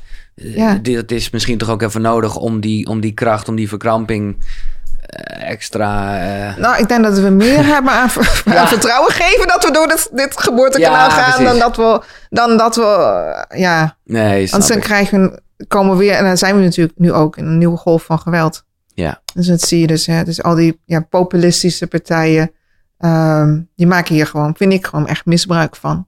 Omdat mensen voelen gewoon, er zitten gigantische veranderingen aan te komen. Sociaal, economisch, klimaat, is nogal Ja. wat bij elkaar. Ja. Heel veel jongeren eh, maken zich echt zorgen over de toekomst. Weten niet wat hun plek en hun rol Nee. daarin is. Ja, en als mensen dan alleen maar dat perspectief geven van die verkramping, dan kunnen mensen echt in een Hmm. neerwaartse spiraal. Dus juist nu te zeggen, hé, hey, wat was die verkramping nu en die vernauwing en, het, Ja. en die is toch een vorm van begrenzing. Voelt even heel onprettig, maar wat is het nou toch echt een geboortekanaal is? We zitten voor de ontsluiting van een nieuwe, Ja. nieuwe periode. Ja, ik ben er wel. Ik, ik snap, wel, ik hoor wat je zegt. Ja. Ik denk niet eens dat het misbruik maken in eh, is. Ik denk gewoon dat het ook, hè, dat, dat er mensen zijn die dat oprecht denken en vanuit die manier plannen en ideeën en, en hè, eh, groepen die, creëren. die zijn er ook, maar er zijn ook mensen die, die precies heel, goed weten hoe het werkt. heel, heel Ja? goed die sociale processen begrijpen. Oh, Daarin getraind oh zijn. echt waar? Oh, dat vind ik echt Oh, eh, ja. dark shit. Ja, Ja. Mm. ja. Maar Nee, goed, even, eh, laat mij weer even mijn roze bril op hebben Even lekker dromen, ja, nog Ja, ja, nee, maar gewoon omdat ik gewoon denk in die end, ja, eh, als er gewoon ook maar een klein beetje licht in een tunnel is, ja, je gaat toch echt wel naar het licht toe. Absoluut. Dus ja, eh, Maar dat bedoel je kan dat is heel het erg perspectief. omkeren en denken, oh nee, we gaan er niet. Maar ja, op een gegeven moment denk je toch, eh, Ja, ja, ja. hmm. ik vind het vooralsnog, Annelies, allemaal echt, hoop ik ook dat de luisteraar of kijker het zo ziet, echt allemaal toch wel begrijpelijk. Terwijl, nogmaals, kijk, deze boeken die ik hier voor me heb liggen, The Quest of Rose en Return of the Avatars en eh, drie komt eraan. Het is een trilogie. ja. Ja, kijk, wat ik er lastig aan vind, maar ook mooi hoor, ik snap het al een beetje, is dat we deze, dat deze materie eigenlijk besproken wordt En jij of jullie, eh, samen met Gene Houston dus, hebben dat bewust in een, in een verhaal gegoten. Zodat de informatie eh, beter aankomt. Zeg, ja, is dat, eh, dat is Ja. echt de reden? Ja. Ja. Ja, ik vind dat heel irritant. Of dat is irritant, nee, dat is een te heftig woord. Maar ik, ik, eh, ja, ik heb het veel liever zo gewoon feitelijk. In plaats van dat verhaal, zeg maar. Snap je wat ik bedoel? Dat, dat is hoe het voor jou is. Ja, Ja, nee, ja, Dus- ja, Dat is is het. niks Dus voor ik, mij toe ook te voegen. ja. geen vraag. Nee, sorry, ik zeg gewoon iets. eh. maar laat ik toch even naar The Quest of, Ro- of, Ja. maar The Quest of Rose gaan. Het is echt een, een, een... Het is dus geschreven in de lockdown. En nou, dat komt er ook zeker in terug. Een jonge vrouw, eh, Rose, die eh, krijgt COVID. En vanuit daar... Ja, ik voel een beetje... Maar nogmaals, soms snapte ik ook dingetjes niet zo goed qua Engels. Dat er ook bijna... Of een bijna... Dat er een soort bijna doodervaring in zit Ja. daar zag ik, of daar voelde ik wel veel gelijkenissen mee met, met Ja. gesprekken die ik er eerder over gehad heb hier. Ehm, en op een gegeven moment zou je kunnen zeggen, begrijpt zij de wereld? Of begint ze steeds beter te begrijpen? Ziet ze het systeem erachter? Nou ja, dat is natuurlijk direct eh, waar jij, eh, nou ja, waar, waar jij mee bezig bent. De, de, de, de, ja, de architectuur van het leven, laat ik maar even zo zeggen. En ja, dat geeft haar veel onrust, maar ook vooral een nieuw perspectief. Heb ik het, eh, hoe zou je het... Sorry, eigenlijk had ik het aan jou moeten vragen. Waar gaat de Quest of Rose over? De Quest of Rose gaat erover dat. ehm, dus wat, wat, terug gaan even een stapje terug Ja. eerder naar hè, wat zijn future humans? Waar- komt die gedachte vandaan? Nou, ja, De gedachte van future humans komt er vandaan dat het is die volgende evolutionaire stap. Waar we dus eigenlijk als mensheid naartoe gaan. Eh, sommige mensen stappen er al helemaal in. Ja. Of, of leven er al is vanuit, dat ook anderen waar, niet. som- wat sommige mensen wel eens eh, de zesde dimensie noemen? Of de vijfde, weet ik eigenlijk niet. Ja, ik denk dat we proberen. Ja, dat kan. Ja. Ik- maar goed, wij ik, ik, probeer eerst de eerste dimensies wat Ja. meer te begrijpen. Voordat we er nog meer. Oké, oké. bijbrengen. Ja. Ja. want als je namelijk weer die basis, die vector hè, eh, hebt. Dan, en, eh, en je gaat uit van een fractaal universum. Wat is fractaal? Fractaal betekent dat je, dat je eh, patronen hebt die zichzelf telkens vanuit die heelheid herhalen. Maar op een grotere schaal. Ja. Je vindt hem terug in de broccoli. je vindt hem terug in de bloemen. In En je vindt hem terug in de. Ja, ja, ja. Dat zijn de groeipatronen eigenlijk van het universum. Ja? Ehm, dus op die manier dan is het, maakt het niet zo heel veel uit of je iedere keer weer nog meer dimensie erbij. Eh, Probeer er maar eentje te begrijpen, zeg jij. ja, ja begin, begin. En dat is natuurlijk ook de weg van Roos. Maar de, first- Future Human is eigenlijk net als dat bij die vlinder. En dus die, die rups heeft die, het future, future potential van, van de rups, dat is dus de vlinder, dat zit hem al in zijn lijfje als hij geboren wordt. Ja. Ehm, en die, die rups gaat eten, eten, eten, tot hij niet eh, verder kan dus. Hè? Eh, en verstilt dan en moet zo'n kokonnetje gaan, eh, gaan spinnen. En daaruit dat geboorteproces, daar worden dus die, de future potentials van die rups, hè, als een vlindertje, dat wordt wakker. Nou, vandaar is ook dat geboorteproces waar Roos dan doorheen gaat. Hè. Ehm, en eigenlijk vanuit die gedachte, dus, dus die volgende stap waar we voor, net voor zitten als mensheid, die potenties, die is al in ons aanwezig. En als we daar nou contact mee maken en dat gaan eh, exploreren, eh, daar vanuit gaan leven en dat tot expressie gaan brengen, kom je eerder bij dat lichtje uit waar jij het over had. ja. Als alles zo donker voelt en chaotisch, dan kom je, want dat heeft ook zijn eigen intelligentie. Maar hier zeg je iets, ik vind het een mooie vergelijking. Maar ja, willen, kijk, een rups wordt een vlinder, dat is, een, eh, dat is gewoon wat er gebeurt. Ja. Dus, dus, en ik geloof best, ik vind dit ook een fijne gedachte, dat wij, hè, de, de, de, wij, wij, wij gaan vlinders worden, laat ik het zo maar even zeggen. Dat zit in ons. Maar ik weet niet of een rups wel een vlinder wil worden. dat is wel een grote verandering natuurlijk zo. Nee, dat bedoel ik te zeggen. Maar de, toch, ik eh, bedoel, we kunnen niet... perspectief van de rups is even wat anders dan van die van de vlinder. De vlinder die is die in, wording en die eh, voor de, ja, voor de. Ja, En dat is ook wat zij dus met haar eh, ja, vrienden en familie gaat onderzoeken. En dus soms zit je in het perspectief van die rups. En dan, ja, dat voelt niet prettig. Nee. hè? Nee, maar om even wat breder te trekken naar, Ja. zoals we het net zagen, met, met, met nou ja, degene die dus heel erg op dit moment polariseren. En eh, Ja, ja, die willen gewoon heel graag die rups blijven. Want ze denken, ja. dat is wie we zijn. We zijn toch een rups. En eigenlijk hebben ze gelijk ook, want een rups is een rups. ja, Alleen, ja. ja, dus hoe, ja, hoe kan je ja, contact maken met die vlinder, of in ieder geval de overgave hebben dat het wel goed komt? Hoe, hoe ja, Ja, de eerste vraag is natuurlijk gewoon in jezelf. Wat is de volgende evolutionaire stap in mij? ja, En hoe is dat deel van mijn toekomst?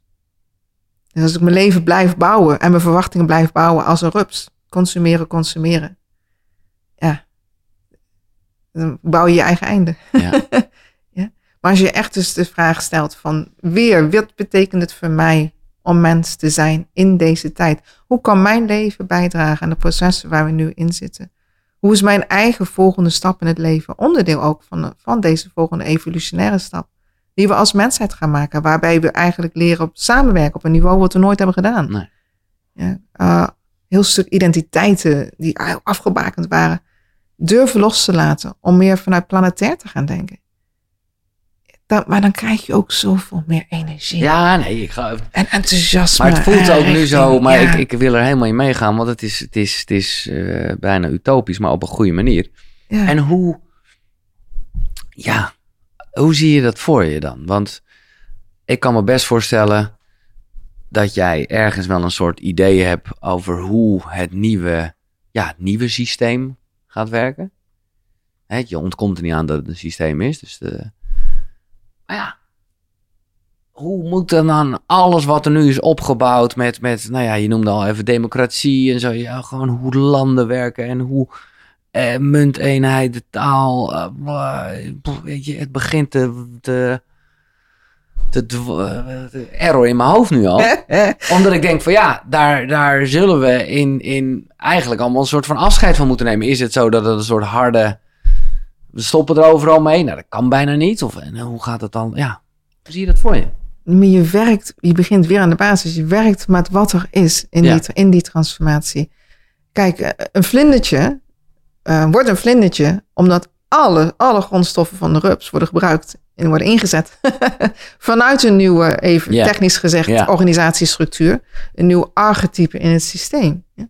Maar niks gaat verloren. Nee.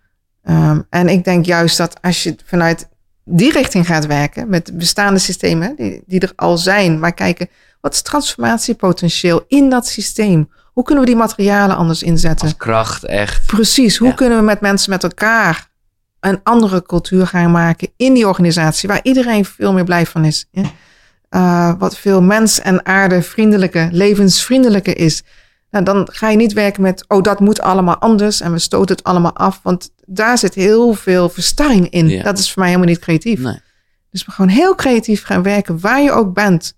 Ja? En hoe kan ik dat net precies iets, iets anders in gaan zetten? En het leuke is, dan word je voor mij ja, eigenlijk echt wakker. Want Ja. dan ga je niet meer mee in het automatische van, nou, precies, precies. Ja, Oké, maar als ik jou even verder laat dag, dagdromen. En ik snap het, je weet het niet. eh, maar je, je mag dromen dus. dit zijn geen dromen. Dus Nee, we dit zijn geen dromen. ja, maar ik bedoel dus, gewoon eh, meer... eh, dit is, het is nog wel de toekomst. Al kan je misschien ook zeggen... Ja, Waar we elke dag aan werken. Dus Ja. bijvoorbeeld met de nieuwe economische systemen waar we nu mee werken. Ja, dus dan hebben we bijvoorbeeld een heel andere organisatiestructuur. Dan noem je een DAO, een Decentralized Autonomous Organization. Nou, dat betekent dat mensen gewoon online bij elkaar kunnen komen, meteen een stem kunnen uitspreken, eh, op, op blockchain contracten kunnen maken, afspraken kunnen maken, alles transparant, alle informatie zie je meteen. Krijg je totaal heel, heel andere vorm van beslissingen maken samen. Ja. dus het is heel concreet eh, hier Ja. en nu. Ja? Eh, hoe Maar mensen hoe, dit vind ik een heel goed voorbeeld en Ja. lekker zakelijk ook. Nee, maar echt overlichten. maar ja, de, de, een groot gedeelte van de RUP, zeg maar, in dit, letterlijk dit voorbeeld, zijn natuurlijk de banken met, met, met een aantal mensen met macht. En hè? ja, hoe, hoe ga je die eh, omturnen en hun krachten gebruiken? altijd zoeken naar de openingen. Ik heb twee jaar lang trainingen gegeven in een van de grootste banken in Mauritius. En het eerste wat je gaat doen is, waar is de transformatievraag binnen hun Waar, waar lopen zij zelf op vast en maken het veilig dat ze dat kunnen uiten? Zonder dat het natuurlijk meteen, ja. Het ego eh, van, Ja, de, van de bank eigenlijk ja, wordt aangetast. Precies, Ja, maar ik werk altijd, ja, ik noem het de Trojan Horse methode. Ja. Dus, dus werk met een opening ergens waar je binnen kan komen. Elk, elk systeem wil ook blijven doorontwikkelen. ja, dus En- voor iedereen zit er een voordeel bij om te veranderen. Ja, precies. en- en, en maak het dan ook op die manier dat, ehm, ja, dat mensen erin mee kunnen gaan. Dat ze zichzelf er niet in verliezen. En dan kijk gewoon ook, wat is de bereidheid? Wat is het ritme? En waar zijn mensen klaar voor? Als je te snel gaat, dan lukt het niet. Nee. Ja, dus leg, leg niet je eigen idee van verandering op. Dat zeg ik altijd. Met systemen werken is hetzelfde eigenlijk als met dieren werken. In die zin. Eh, eh, Connecten. connecten. Voel waar, waar is het rijp voor? Waar wil het naartoe? Maar ook, eh, je kan jezelf heel erg vastzetten. Dus waar is het in vastgelopen? Waar het misschien heel hard, nog hardnekkig in door wil gaan. En dan zit je in een ziekteproces.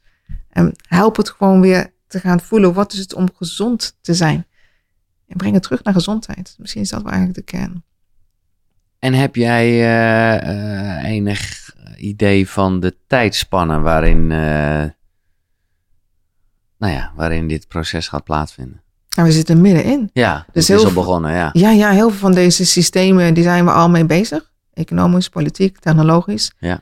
Nog niet alles is op de markt, op Maar die manier op een ook, schaal. politiek voelt nog wel heel erg als, als het bewaken van door ons bedachte grenzen en zo.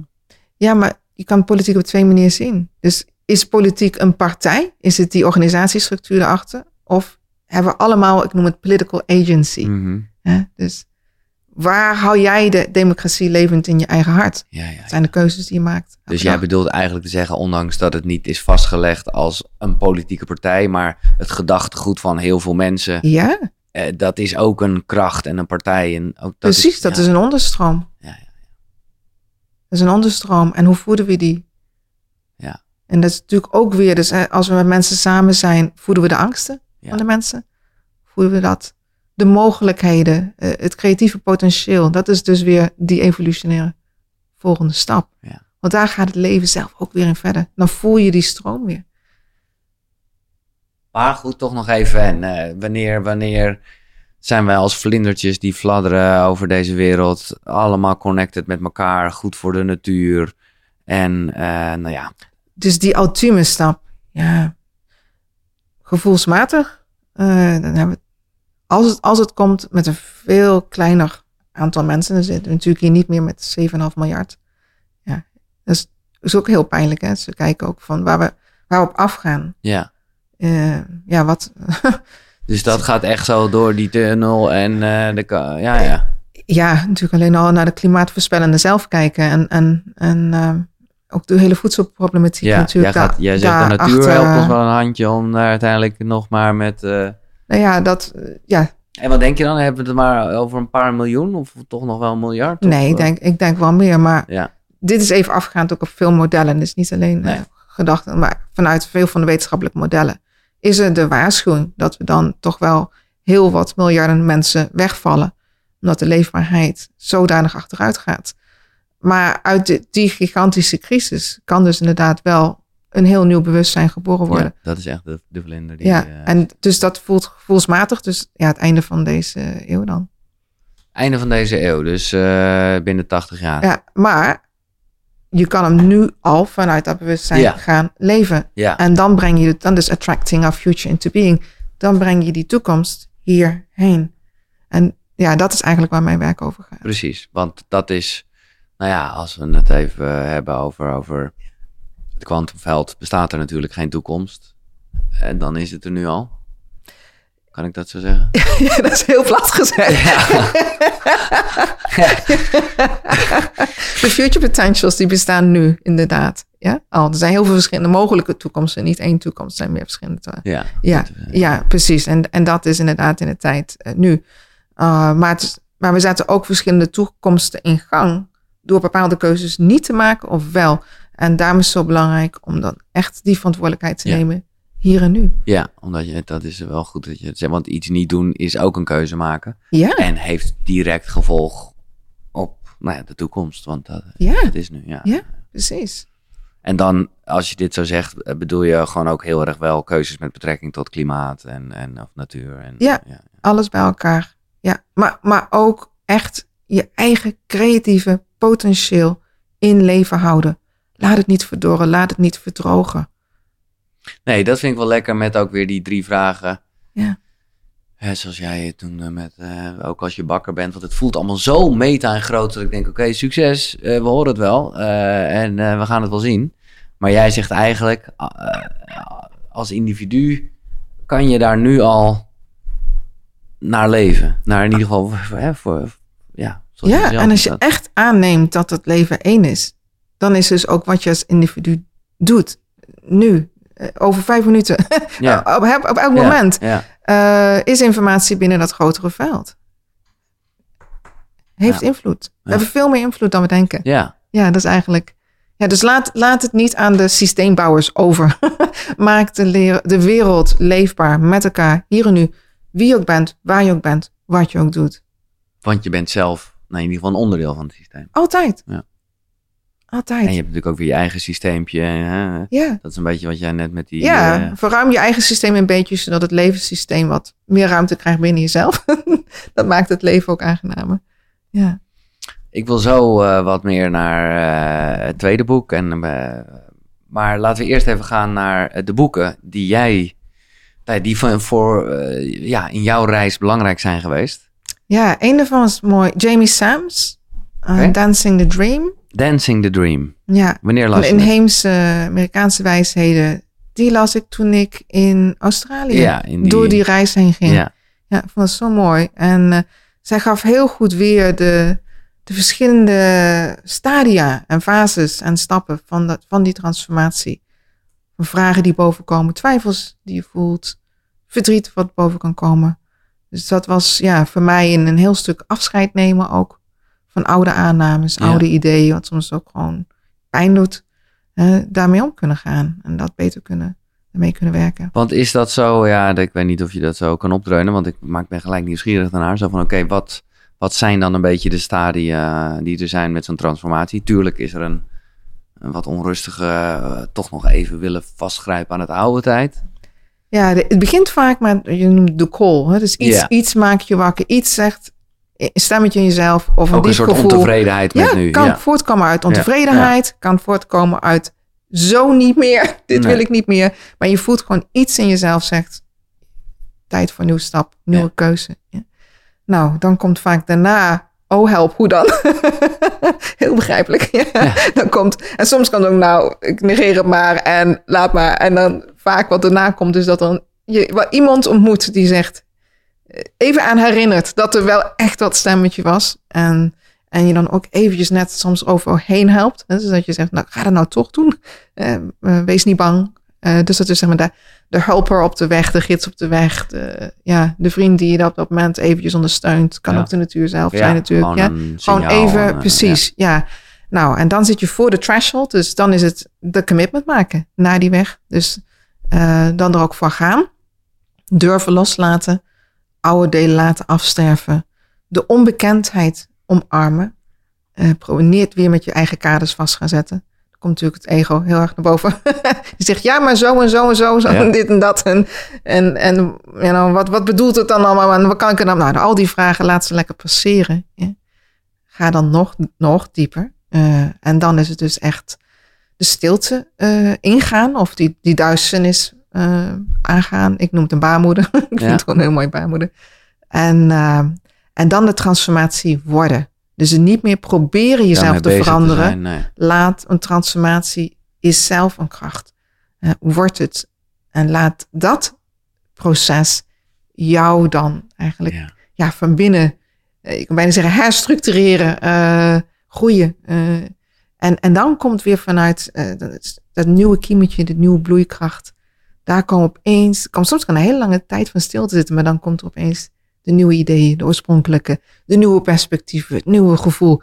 En vanuit daar eh, weer terug ook dan in de maatschappij. Hoe kan ik dat weer inzetten? Kan ik vanuit daar de verbindingen maken Ja. met andere mensen? Mooi. En die laatste fase is dus wel een moeilijke. Zeker als je juist daarvoor heel erg gewend bent om hè, actie te ondernemen. Om echt iets te doen. Nou, die daadkracht eh, heb je ook nodig. En op een gegeven moment moet je het een beetje laten. En als ik jou nu zo hoor, dan weet je pas als het gebeurd is dat het gebeurd is. Ja, en dat weet je eigenlijk door een soort diep vertrouwen. Ja, Het is een diep vertrouwen met misschien nog wel, nog wel meer nieuwsgierigheid. en een creativiteit. Ja, het is niet verstart. Het is, Nee. Er zit iets heel... oh. Ja, Ja. precies. Open. Ontvankelijk. Dancing with the Dream. Ja. Nice. Oké, eh, boek 2. Il Principe van eh, Machiavelli. Dat las ik tijdens mijn studie. Ik geloof dat het Nederlands heette De Vorst of de Heerser. waarschijnlijk. Ja, of, eh, precies. ja, ja, ja. Wat ik zo geniaal vond aan die man, had hij het dus eigenlijk geschreven over ja, hoe, hoe vorsten, hoe mensen heersen. En het leek alsof het geschreven was voor de vorst, hoe je het volk moest belazeren. Maar het was eigenlijk een handleiding voor het volk om te weten hoe ze belazerd werden. Dus ik denk, oh, dat vind ik heel, ja, dat vind ik heel slim. Ja, dus dat heb ik er altijd ingehouden en gedacht van, aha, soms moet je ook dingen zo uitleggen, zodat andere mensen ook weten wat er nou eigenlijk gebeurt. Nice, Ja. maar in welk kader schets je, eh, waarom, waarom noem je dat nu in jouw, nou ja, waarom Nou ja, je- omdat met systeemsveranderingen Mhm. moet je soms ook heel strategisch zijn. En als je meteen alle agendas op tafel legt, Ja, ja. dan krijg je ook meteen heel veel weerstand. Soms schrijf je iets voor één, wat lijkt voor één publiek, maar het eigenlijk voor een ander ja. is. Maar ook geef je mensen dus inzage in de diepere systemen, net als in het tweede boek.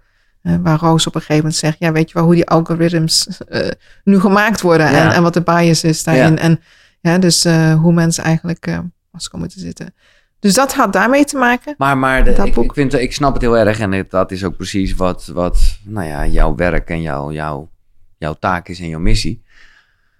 Maar het voelt ook, ja, ik ben gewoon heel erg van een soort eh, gooi alles op tafel open iets. Want dit, dit, dit ja, neigt toch ook, ja, niet zozeer naar complotten, maar snap je wat ik bedoel? Dat gewoon Nee, zo, het is gewoon het doseren. is bedachtzaam, maar Doseren. ja. Doseren. Kijk, dat is natuurlijk heel Nederlands. En in het begin toen ik met precies met die houding naar Zuid-Afrika ging, dat ging niet zo goed. Nee. en daarna ook in andere landen, zoals Mauritius. Ja, heel direct, eh, heel open. En dat vinden wij natuurlijk in Nederland heerlijk, die openheid. Uh, maar dan geef je soms ook meer informatie dan mensen iets mee kunnen. En dan overlaat je ze. En Ja. dan bereik je eigenlijk het omgekeerde. Ja. Je krijgt weerstand. Dus doseer het. En, Maar dat betekent dat jij dus eigenlijk echt wel als een soort schaakspel bepaalde stappen in, in, in, in nou ja, de groei van de mensheid, zal ik maar even groot zeggen, in gedachten hebt. dat is systeemintuïtief. Oké. niet- als ik dat ja. ga zitten bedenken, dan, dan, dan gaat het niet. Nee, oké. Dan wordt het, er zit veel, veel een agenda achter. Nee, het is echt voelen. Echt voelen van, je voelt wanneer de, je zegt nee, dit is te veel. Ja, Al voor terug. nu, jij denkt gewoon heel erg van, wat is voor nu goed? Ja, en waar En- kan ik meewerken En in je hebt al een grote plaatje van waar het uiteindelijk naartoe Altijd. gaat. En dan gaat het vanzelf. Altijd. Ja. Maar werken, weer werken met waar een systeem op dat moment voor klaar is als een volgende stap. Verseer het niet. Ja. Ja. Maar is het ook, eh, ik bezet hem natuurlijk erbij in de boekenkast. Maar is het ook leuk om te lezen, dat uh, Het is heel, heel klein. Oh, oké. Zo door. Ja. ja. Nee, oké, dan is het zeker interessant in ieder Ja. geval. Nee, omdat ook weer, weet je, in de categorie alles is een systeem. We, we praten nu heel erg over, nou ja, hè, future humans, eh, over, over. Maar ja, dit kan je ook eh, toepassen met, in je gezin, eh, op je Ja, werk, ja. in je stad. eh, Ja. nou ja. Ja. En, ja, en dus eigenlijk een boekje helpt je om die machtsstructuren te, te begrijpen. Zie, zie het voor wat het is. Ja. En maak het zichtbaar. Een soort collectieve schaduwkant. Zo, daar, daar is het zinnig voor. En hoe zie Ja. jij dat? Dit vind ik altijd een beetje zo moeilijk te vatten, waarbij ik dan nooit weet. Ja, zijn er, of is er echt een aantal mensen of, of, of organisaties die, eh, ja, die daadwerkelijk bewust zijn van, van dit spel en daar ook op ondernemen? Of, dat ben ik geneigd altijd te denken van ja, is het gewoon een soort systeem wat in stand is gehouden waarbij ook niemand echt de baas is, maar het eh, elkaar eh, in stand houdt. Ja, beide. Ja, alle twee. Alle maar twee. toch ook wel dat eerste dus. Kijk, je krijgt eh, heel vaak achter hele vervelende leiders, laten we het zo eens noemen, zitten ook vaak systemen ja. die heel maar, maar ziek weet, zijn op zijn die er- daarvan bewust. Dat, dat, ik ben geneigd om wel te denken, mensen hebben Ja. geen idee, die doen maar gewoon, eh, of iedereen doet maar Nee, gewoon. ik heb wel Oké, een aantal mensen ontmoet in mijn leven. Ook, ja, dat... eh, Is echt niet goed. Nee, ik bedoel, eh, ik heb mensen ontmoet ehm, die willens en wetens mensen bedriegen en daar echt niet minder over slapen. En ehm, het ook niet een probleem vinden om met het geweer tegen het hoofd aan Nee. mensen te bedreigen en te zeggen. En hun eigen wil op te leggen. Die zijn er ook. Maar en hoe Ja. verklaar je dat? Want ik neem toch aan dat jij toch ook wel... eh maar ja, hè, als we terug naar de natuur gaan en, en hoe wij alle één zijn... Dat is wel een... Posi hè, eh, als liefde de kracht is... eh, Ja, als liefde de kracht is. Dus als liefde niet ontwikkelt, wat krijg je dan? ja. Dus snak naar liefde en dus maar dan om je heen slaan eh, met uh, Ik, denk dat deze mensen niet eens het begrip van gevoel van liefde hebben. nee, precies. Er zijn hele andere drijfveren Ja. die in deze mensen wakker zijn. En Ja, maar dat is toch gek, want dat is toch Ja. wel waar wij allemaal uit voortkomen. Dus dat, je kan dat toch bijna niet niet zijn? Ja, maar dat is natuurlijk, als je het echt het hele plaatje Ja, eerlijk wil, wil aankijken, dan is het natuurlijk ook echt contact maken met onze eigen destructieve krachten. Dit is in ieder mens. Ieder mens. Ja. Maar wat voed je? Waar geef je gehoor aan? En dus ieder mens heeft wel eens die gevoelens van, "Mm, dit wil ik echt niet meer. Of misschien zelfs iemand pijn willen aandoen. Maar, nee. maar waar, ja, de- wat doe je daarmee op dat, moment? Waar zet je, zet je vraag. Ja, Ja. Waar, waar richt je je op? waar richt je je op? Precies. Ja. Maar dat ook echt heel... Dus in die zeven jaar dat ik dus in die zelfreflectie zat, dat, dat ben ik heel diep aangegaan. Veel donkere dingen. oh Ja.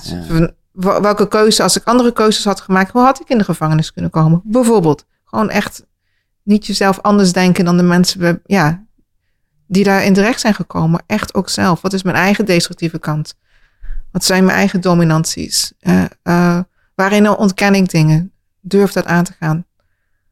Durf die krachten aan te gaan in jezelf. Maak het zichtbaar, maak het ja, helder. Of, Ja. of, of ehm, ja, maak het vooral zichtbaar. Maak het zichtbaar voor jezelf. Durf het te voelen.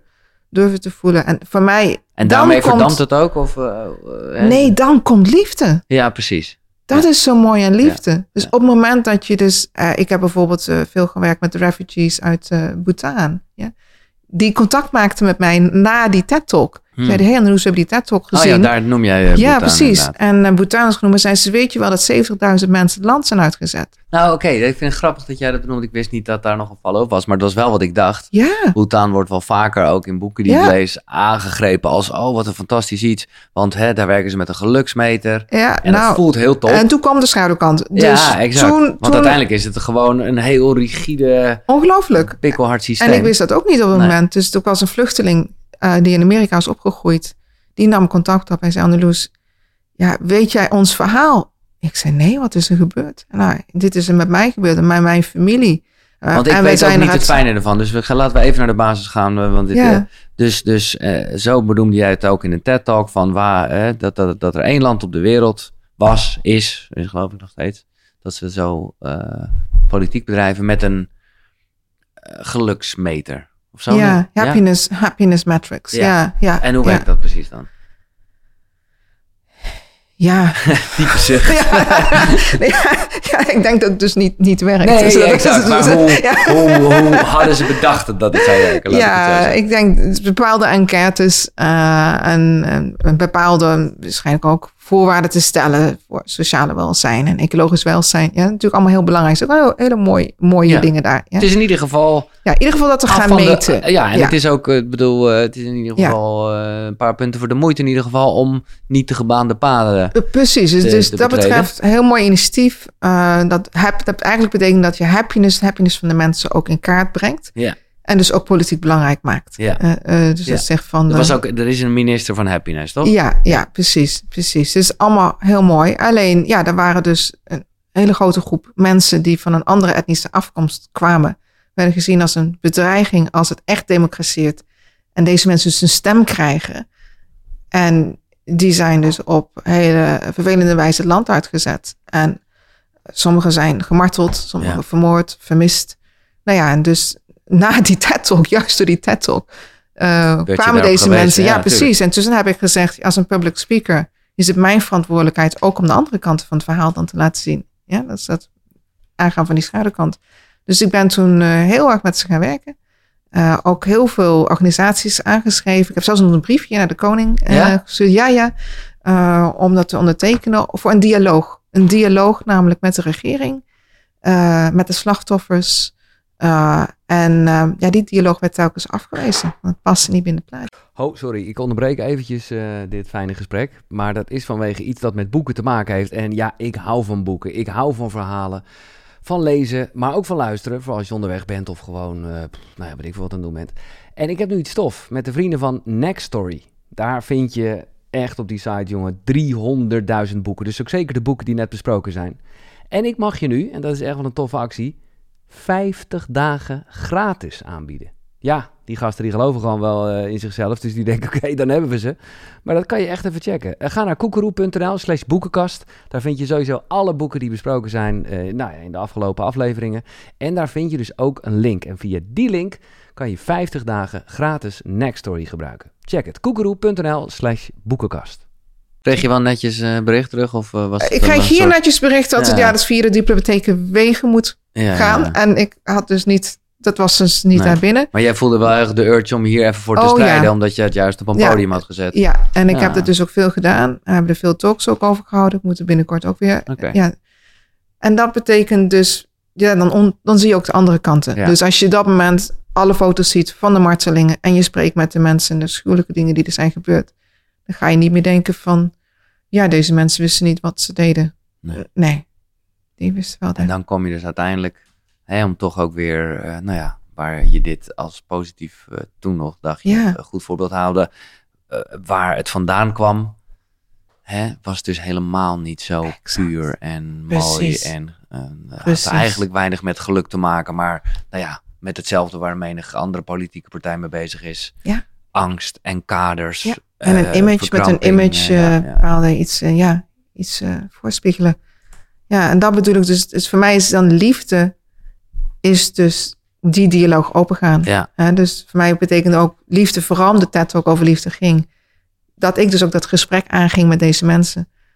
En dus met heel veel van hun eh, via Skype calls ja, heb gesproken, geluisterd naar verhalen. ja. Echt eh, ja, de moeite heb genomen ja. om, om dat ook, eh, die kant, ja, echt aan te kijken. En te kunnen er iets mee te doen, ook wat we kunnen doen. ja mooi. Mhm. Eh, derde boek. ja, even rust misschien, ja. Ja, even je even... eh, nee, precies. Ik, ik, ik, ik schenk even wat thee. Oh. Dit vind ik mooi. Ik eh, heb dan thee met zo'n spreukje. En de spreuk die ik nu pak is... Let your heart guide you. Nou, that's exactly it. Dat Ja. is toch... eh, Ja, fantastisch. lang niet altijd even makkelijk, maar daar hadden we het over. Om daar naar te over. luisteren. Maar eh, Ja. eigenlijk... eh, ja. Oké, Annaloes. Derde boek? Derde boek. Ja. Ja, voor de trilogie, die komt er inderdaad. Nee, nee, nee, sorry. Oh, ja, ja, ja. Oh. Dat bedoel jij toch? Maar Nee, dat- ik bedoel het derde boek van, eh, hè, we hebben de Dancing, eh we hebben mijn de derde boek, gehad. Ja, oké, nee, en dan, ga, en dan gaan we het ook hebben over, Ook over boek, ja. ja, eerst het boek 2 en dan boek 3. Ja. Is van een eh goede vriend van mij die helaas overleden is vorig jaar, Joel Paxt. eh, Beyond Kabbalah. Beyond Kabbalah. Ja, en Joel was een rabbi, eh, een eh kabbalist. Ik hoor daar veel, eh, dat komt, ik weet eigenlijk niet zo goed wat het is. Ja, het is Kabbalah, een... want, dat- eh, want ik weet dat Madonna er op een gegeven moment heel erg in toe was. Nee, ja, dat bedoel, maar dat is gewoon een beetje mijn niet- wereld. Ja, maar, nee, dat snap ik. Ja, ja.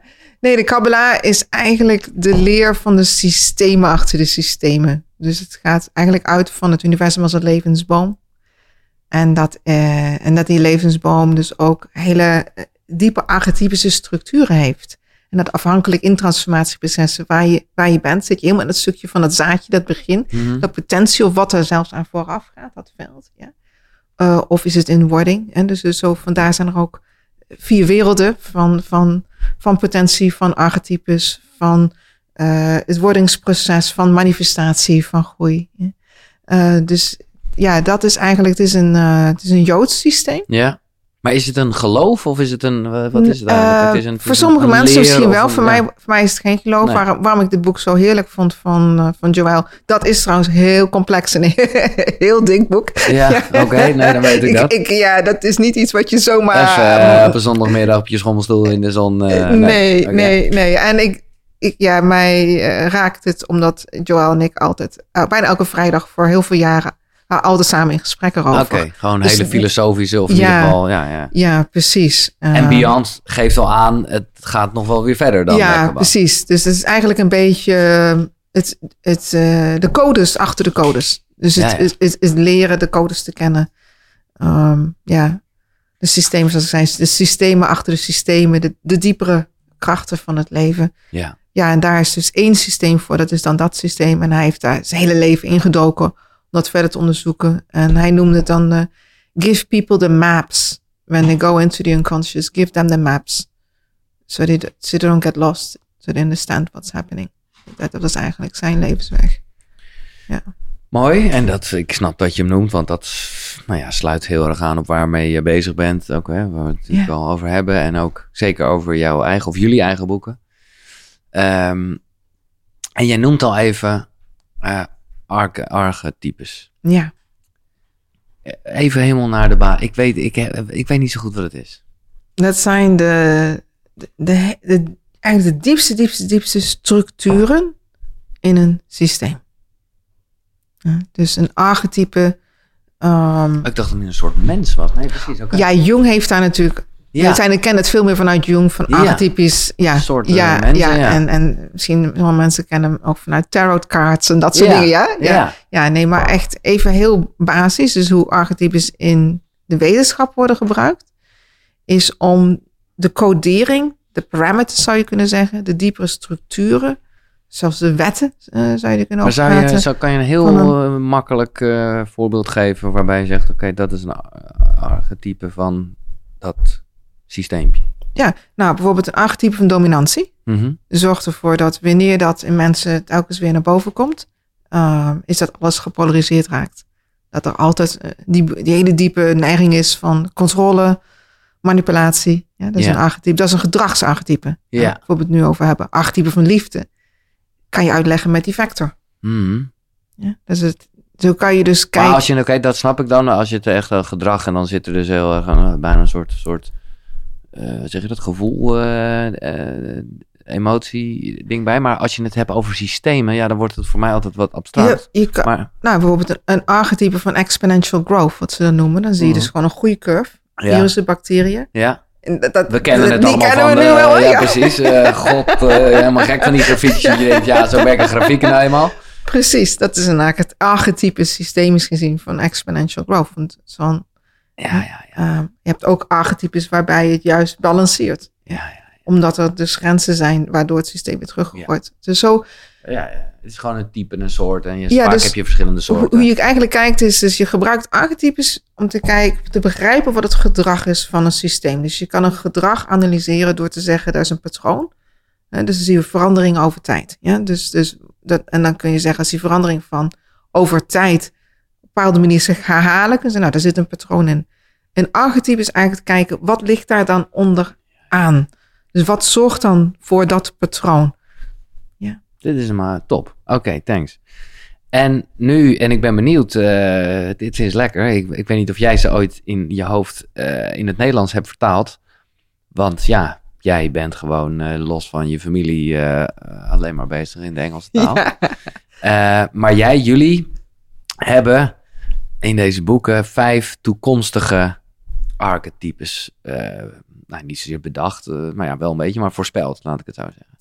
Ja, het zijn toekomstarchetypes. Ja. Dus niet toekomstige. Dat Nee? is het verschil. Dus het Oké. verschil, ja. Dus een toekomstarchetype betekent dat het een archetype is Van nu is gericht op de om, toekomst. om, om toekomst te realiseren. Oké, oké. Dat is, Dus die zijn er nu al. die zijn er nu en die zijn de archetypes van dat vlindertje.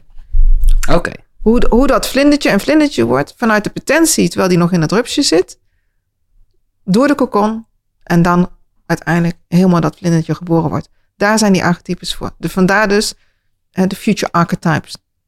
Niet voor de future, Nee, maar, maar het, bezig dat, met. dat maakt Nu, future. nu bezig met. Precies. Ja, en, ja. en, en ja, dus, dat is inderdaad leuk om dat nu in het Nederlands. Dat is inderdaad de allereerste keer dat ik dit in het Nederlands ga proberen. Dus we beginnen met eh, de Holness Code. De wholeness code, precies. Dat is de, wat je, als je in dat archetype zit, dan ga je dus de code van heelheid overal zien. Dan zie je die fractale structuur waar we het eerder ook over hadden. Zie je dat veld van eenheid. En hoe die diversiteit die we zien in het leven en onszelf, eh, aan de basis daarvan is eenheid.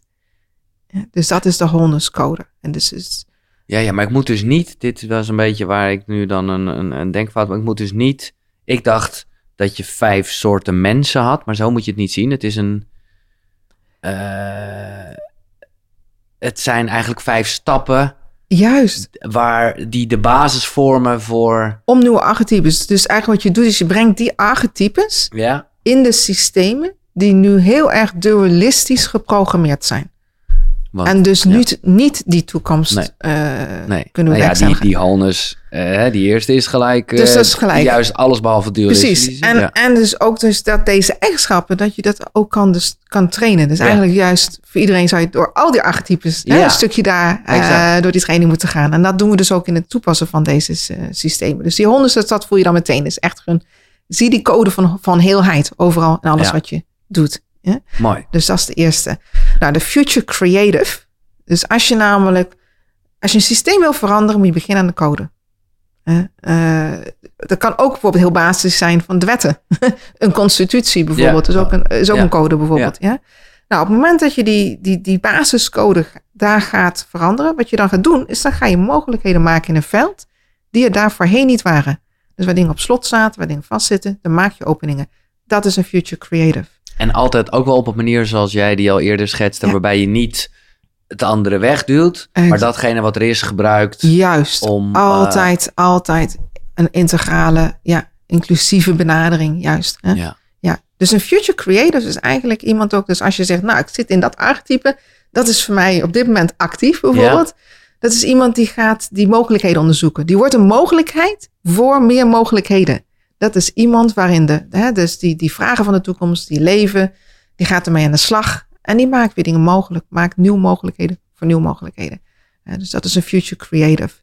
Die is, die is creatief bezig vanuit toekomst. Maar je kan ook zo werkt dat, hoop ik, neem ik aan, Ja, een beetje van dit en een beetje van dat. absoluut. Nee, precies. Daarom zeg je ook, onderzoek ze alle vijf. Onderzoek ze alle vijf. En, eh, En ze leven ons allemaal. En, en je ziet ook door verandering dat je soms eh, ja, echt door ook fases gaat. Precies. meer, ja. Dus als je echt dus weer naar, terugkomt bij die allereerste. Dus als je zegt, nou moet echt een structureel andere keuze maken. Bijvoorbeeld, dit werk gaat niet meer. Of deze relatie gaat niet meer. Ja? Eh, Niet van afstoting, maar gewoon terug naar de heelheid.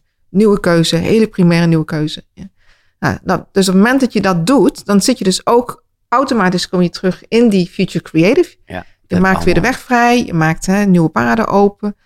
Maar dat zet in gang evolutionair proces. Betekent leren, nieuwe dingen ontdekken.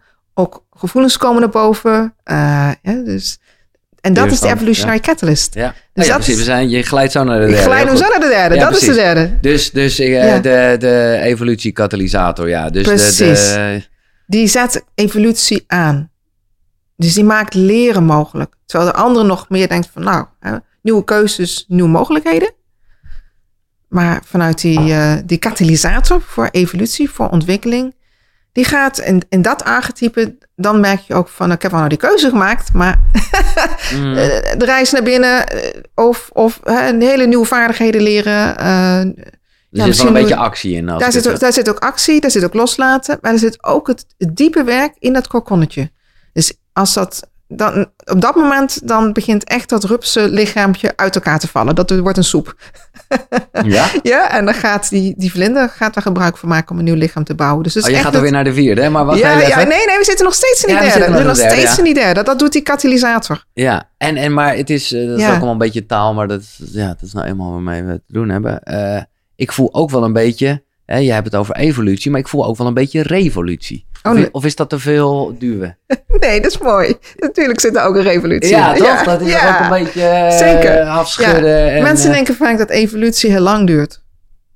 En dan gebruiken we vaak revolutie als iets wat meer radicaal is. Ja. Maar evolutie kan ook heel radicaal zijn. Ja, ja, ja, in die end. eh, Ja. ja. precies. Nee, Ja. dat is. Ja, dus ja, zeker. Er zit ook revolutie in. Ja, En dan het vierde archetype, pattern weaver. ja Dus de patroonwever. Precies. En die weeft met een heel speciaal patroon.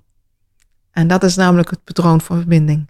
Patroon van echt wezenlijk contract. Contact, b- patroon van afstemmen. Dus het, die weeft met die nieuwe patronen die ontstaan uit dat bewustwording van die vlinder, zeg maar. Ja, van jouw hier, hier zijn we al de vlinder wel, of nog niet? Ja, ja, Ja, hier zijn we nu de vlinder. Ja, precies. Het is de, de, Ja. de, de, de catalyst Ja. heeft het afgeschud. Maar hier, dit is dus eigenlijk ook op dat punt dat je als je door dat hele transformatieproces gaat en dat nieuwe inzichten komen, nieuw bewustzijn Ja. komen, ja, nieuwe gevoeligheden ook komen. Ja.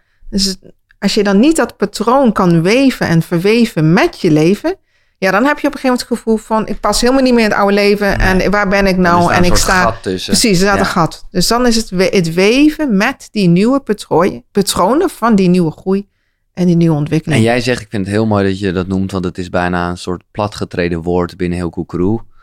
Maar ja, dat is dus verbinding. Dat is dus vanuit die verbinding, vanuit die liefde, Ja. eigenlijk elke handeling, Ja. nou zelfs elke gedachte, eh, Ja. gewoon in essentie eh, alles Ja. vanuit dat patroon. Dat is het patroon. Dat patroon, daar ga je dan echt mee weven. Dat ga je dus ook daarmee eh, aarde en voedsel een handen geven. Hè? Dus je Ja. gaat hem inzetten in het leven. Ja, Ja, gaat er ook naar handelen. ja, ja, precies. Het is niet alleen maar eh, Precies. denken. Nee, oké. Zodat hij ook echt verbindt. Ja, dan Ja. verbindt hij. Ja, dan wordt het Dan verbindend. zit je in ja. je eentje dat heel goed te weten, maar eh, Ja. nee, nee, ik voel Dat hem. Oké, dan. Ja. Sure, oké. En dan eh, de, de, de laatste, of althans, nou ja, het is niet een geheel willekeurige volgorde, maar eh, nogmaals, allemaal nou samen. De nieuw, moet je... Paradigma. Ja, ja, precies. Hoe spreek je het in het Engels? Paradigm? Paradigm. Paradigm. Ja. Nieuw paradigm storyteller. Ja. Dus dat is inderdaad de nieuwe, nieuwe ehm, Ja. ja. Ja, paradigma. Ik heb nog een makkelijker woord voor paradigma. De, de, de, mm, folk, ja, hoe noem je dat? Het, ja, het is praten vanuit een nieuw verhaal. Zo, dus je wordt een communicator. Je, Ja. je wordt dat nieuwe verhaal. Ja, En jouw hele leven wordt dat. En Ja. dat mee, daarmee wordt het een inspiratie. Eh, Dus dan je leert er ook dan vanuit te communiceren. En jouw, jouw eigen leven staat symbool daarvoor. Ik wil net zeggen, want storyteller kan een beetje zijn dat je dat heel erg echt letterlijk aan het vertellen bent. Terwijl als ik jou nu zo dit hoor zeggen, dan is het meer gewoon, je bent dat en dus vertel je het. Of want Dat zullen het. mensen het zien en Dat voelen. En, Je hebt hem. Wat je nu zelf doet. ja, nou ja, misschien is storyteller ook wel vragen stellen. Ja, natuurlijk. Ja. Ja, ja, ja. We're making a story. We, Ja. maken, we zijn... Zo ja, is het, nee, natuurlijk. En, en als je dan toch, eh, als jij nu, eh, want ja, nogmaals, als het goed is, heb je van alles wat. Maar waar, eh, waar ligt nu jouw accent heel erg? Ja, ze zijn inderdaad voor mij echt alle vijf. Ik, ben, ik ben altijd op die vijf niveaus Ja, tegelijkertijd bezig in mijn werk. Ja. Ja. Maar ik, ik zit wel... Ja, in mijn werk zit denk ik het meeste toch nog aan die eerste twee. ja, ja. Dus de eerste twee echt ehm, aan de codering van nieuwe archetypes, nieuwe systemen, nieuwe paden, nieuwe mogelijkheden. En dan het katalyseren van ontwikkeling. Dus ook het mensen begeleiden erin, Mhm. in die transformatieprocessen. Dus Ja. de eerste twee, drie zou ik zeggen. Ja. Maar ze zijn allemaal heel belangrijk. Dus ja, Nou ja, ik denk ook zeker inderdaad dat je met... met, met dat is de storyteller ook. Ja, Precies. Ja, Ja, ja, ja. ja. en samenwerken met mensen is ook ehm, ja, vanuit de pattern weaver. En Wil je nog iets verder zeggen over eh, het tweede en derde boek? Of ja, soms vind ik, want ik, nogmaals, wij zitten hier gewoon toch lekker, vind ik dus wat fijner, de theorie te bespreken. En eigenlijk zou je kunnen zeggen, aan de hand van het verhaal van Roos word je meegenomen in deze. Dit. Ja, en het is een spannend verhaal. Vooral, Ja. vooral in het tweede boek. Hè? Dus in het eerste boek is er nog allemaal... eh, ja, ze gaat door een bijna doodervaring. Ja, Ze komt inderdaad dan... Beleeft de kosmos opeens op een hele andere manier. Ja. Maar wat er gebeurt is... Ze hoe wordt, kom je hierbij overigens? Is dit, eh, want dit is wel letterlijk wat er, eh, ja, eh, wat er gebeurt met mij. Ik heb hier mensen aan tafel gehad die daar of onderzoek naar gedaan hebben. Pim van Lommel, ik weet niet of je hem kent. Echt fascinerend, eindeloos Ja. bewustzijn. Maar ook een, een Marieke van Meijeren die zo'n ervaring heeft meegemaakt. En dat heeft een ontzettende transformatie in haar hele leven betekend. Dus is dat iets wat jij ook hebt meegemaakt of zien? Of is dat vanuit ben, de verhalen? ja, ik, er zijn ook veel van mijn eigen ervaring zit erin. ah, oké. Ja, ja, ja. ja, ja, ja. Maar heb jij een soort bijna doodervaring gehad dan? Nee, niet dat Nee. mijn hart is stilgestaan en dat het Nee. op die manier medisch verklaard Nee. is. Maar, maar wel dat je bewustzijn verliest. Ja, ja. En dan ergens anders bewust bent. Ja, en- maar niet in je lichaam op dat moment. En dan de weg terug. En dan de integratie. Altijd weer de integratie daarna. En wanneer is dat, eh, is dat een bepaald moment of een gebeurtenis geweest? Ik viel als kindje vaak flauw. Oh. Dus daar begon het al Ja, heel, ja, heel ja, vroeg mee. En dan, ja. dan leer je al snel te ontdekken van... is iets wat, wat blijft bestaan. Mhm. Ja? En vanuit waar je jezelf weer telkens opnieuw opbouwt. Ik was ook vaak ziek. Dus op die manier leerde ik ook echt ja, vanuit mijn lichaam op een nieuwe manier te werken. Ja, en dat is natuurlijk wat, wat Roos eigenlijk doet. Eh, dus op het moment dat zij dus eh, bijna doodgaat, dan stelt de Cosma's haar de vraag of zij terug wil gaan vanuit een, eh, een nieuw ingangspunt. En dat is die future human potential. Dat Ja. is die choice. Ja. Ja, future human choice. En dat doet ze dus. Op, moment- ze gaat niet terug naar haar oude leven, maar ze gaat daar terug in, zeg maar. vanuit een heel nieuw Nieuwe, perspectief. Met alle gevolgen van dien, want ja, Precies, en dat zet die transformatie in gang. Ehm, en in dit tweede boek, wat er dan gebeurt, is dan beginnen ook allemaal nieuwe vermogens van haar zich in ontwikkeling te komen. Eh, maar ze ziet het gevaar niet. Eh, en ze heeft er nog wat lessen in te leren. dat is mooi gezegd. Niet te veel spoilen. Dat, eh, Ja, want het is ook... Het is, het, eh, dus dat is heel spannend. Ja. En, en dan moet ze ook echt de confrontatie aangaan met eh, behoorlijke schaduwkanten. ja, in de maatschappij, ook, ook in zichzelf. En haar grootmoeder leert haar dan de wijsheid van het hoge hart. Dus ja, de groot- grootmoeder waar het de hele tijd eh, contact mee is, hè? Ja, precies. En dat hoge hart is heel belangrijk, omdat het een soort fractaal hart is van het grotere kosmische hart. Wat in ons mens al is. En, en wat, waar je dus, eh, ja, dus weer die, die bron van die liefde. Koekeroe. Eh, ja, precies. Ja. dat is hem. ja. ja. En dan, wat, wat kan en wil je zeggen over het derde boek? Want jullie wisten blijkbaar, ik bedoel, ergens in grote lijnen staat dit al vast. Want jullie hebben van het begin af aan een trilogie genoemd. Het is niet dat jullie na Jaws 1 dachten, laten we ook Jaws 2 maken. Eh, zoals dat met films vaak is. Ja, Jullie ja, wisten wel van tevoren, dit is een drieluik. ja, precies. Dus wat, wat, ehm, En in het derde boek, dus het tweede boek, eindigt eigenlijk dat met Roos met haar vrienden de teams bij elkaar gaat brengen. Uit verschillende landen en, en werelddelen. Uh, om te gaan werken aan die nieuwe wereld. Dus hoe, hoe maken we dan die, ja, ja, ja. ja, die omslag of die transformatie met elkaar? Nou, dat derde boek, daar zijn ze, zitten ze daar middenin. Daar gaan ze mee bezig. Wordt eigenlijk als een soort nieuwe constitutie Ja, van deze nieuwe tijd. Dus kijk, de ondertitel van The Quest of Rose is eh, Ja. boek 1, The Cosmic Keys of Our Future Ja. Becoming. Nou, Ja. dat is duidelijk. dat, zijn de is, eh, keys. Precies, zijn de nieuwe Dan is boek perspectieven. 2 is eh, de Cosmic Architect Tools of. Our Future Becoming. Ja. Dus wat is dan... eh, Ja, dat zijn eigenlijk dan de cosmic orders. Dus de, Ja, ja, ja, ja. de diepe orders. Die diepere structuren van, die van deze nieuwe, nieuwe tijd. En jullie zijn daar... eh, dit proces is nog aan de gang? Oh ja. Ja, ja, Ja, ja. ja. want ik laat ook, eh, als ik schrijf, dan laat ik ook de, zeg maar de, de dynamiek van wat er nu speelt heel erg meespelen. Ja. Dus toen ik het tweede boek aan het schrijven was, dat zon, dan was het hele conflict met, met Rusland speelde nog niet, maar wel in de voorspellingen van de grootmoeder. Hmm, Dus ik had toen drie van die visioenen tijdens het schrijven. ja. En die ja, zijn dus eigenlijk allemaal spelen die heel actueel nu in dat hele conflict eh, met Rusland. Ja, dus, dus ik laat altijd dat krachtenveld van wat er speelt op dit moment meewerken in de verhalen, zodat het verhaal ook zichzelf schrijft Ja. natuurlijk. Ja. Nou, het boek, dat mag ik toch even zeggen, is ehm, alom geprezen. Eh, letterlijk prijzen gewonnen. En eh, nou ja, eigenlijk all over the world wordt dit verslonden. ja, en misschien is voor, als voor mensen deze materie soms wat complex is, het audioboek is vandaag uit van Oké. The Quest of Rose. Oké. Uh, van Return of the Avatars komt het audioboek uit uh, in juli. En uh, ja, het is heel mooi om naar laten luisteren. Ja. Om het gewoon op die manier verhalen tot je laten komen. Het zijn allemaal practices ook, waar je Ja, dat doorheen kan precies. gaan. Dat is goed dat je het zegt. Want het is Ja. niet alleen maar verhaal. Er staat Nee, eigenlijk, absoluut nou, niet. eh, eh, Elk hoofdstuk kan je eigenlijk met jezelf Ja. eh, het integreren. En aan de hand van bepaalde ja, vragen die gesteld worden. En, eh, dus, nou, En dat vond ik ook nog wel een ding. Want ik ben geneigd om gewoon een boek te verslinden. Eh, maar dat, dat, ja, ik zou bijna zeggen, dat kan dus eigenlijk niet. Want je moet het ook wel even dan voor gaan zitten om, ja, zeg maar de opdracht... eh, Nou ja, voor, voor, voor, eh. wie, wie- voor wie dat wilt. We Nou doen ja. ook trainingen dus op. Ja. Uh, en ik geef ook elke maand uh, coaching online. ja, Waar uh, ik telkens een thema pak van een van de twee boeken. En dat meer uitdiep. Bijvoorbeeld, de, dus de Cosmic Compass daar. En hoe je dus met het hele kompas kan leren te navigeren in deze tijd van zoveel veranderingen. ja. Ook je eigen archetypische structuur kan creëren voor je leven. Vanuit die basis, vanuit die heelheid. Ja, En dan is het, is echt wel mooi eigenlijk. Dat zouden er meer boeken moeten doen. Of ja, je moet het gewoon zelf eigenlijk doen. Dat je echt letterlijk de vraag kijkt. Oké, wat heeft dit met jou gedaan nu? Precies. Dit, dit gedeelte Ja, van het ja. verhaal. Denk terug naar jezelf. En eh, dan, dan staan er wat lessen. Ja, ik heb hier nog eentje aangesneden. Vond ik een mooie soort wijsheid, zoals er vele in staan hoor. Maar a myth is like the DNA of the human psyche. Vond ik heel mooi.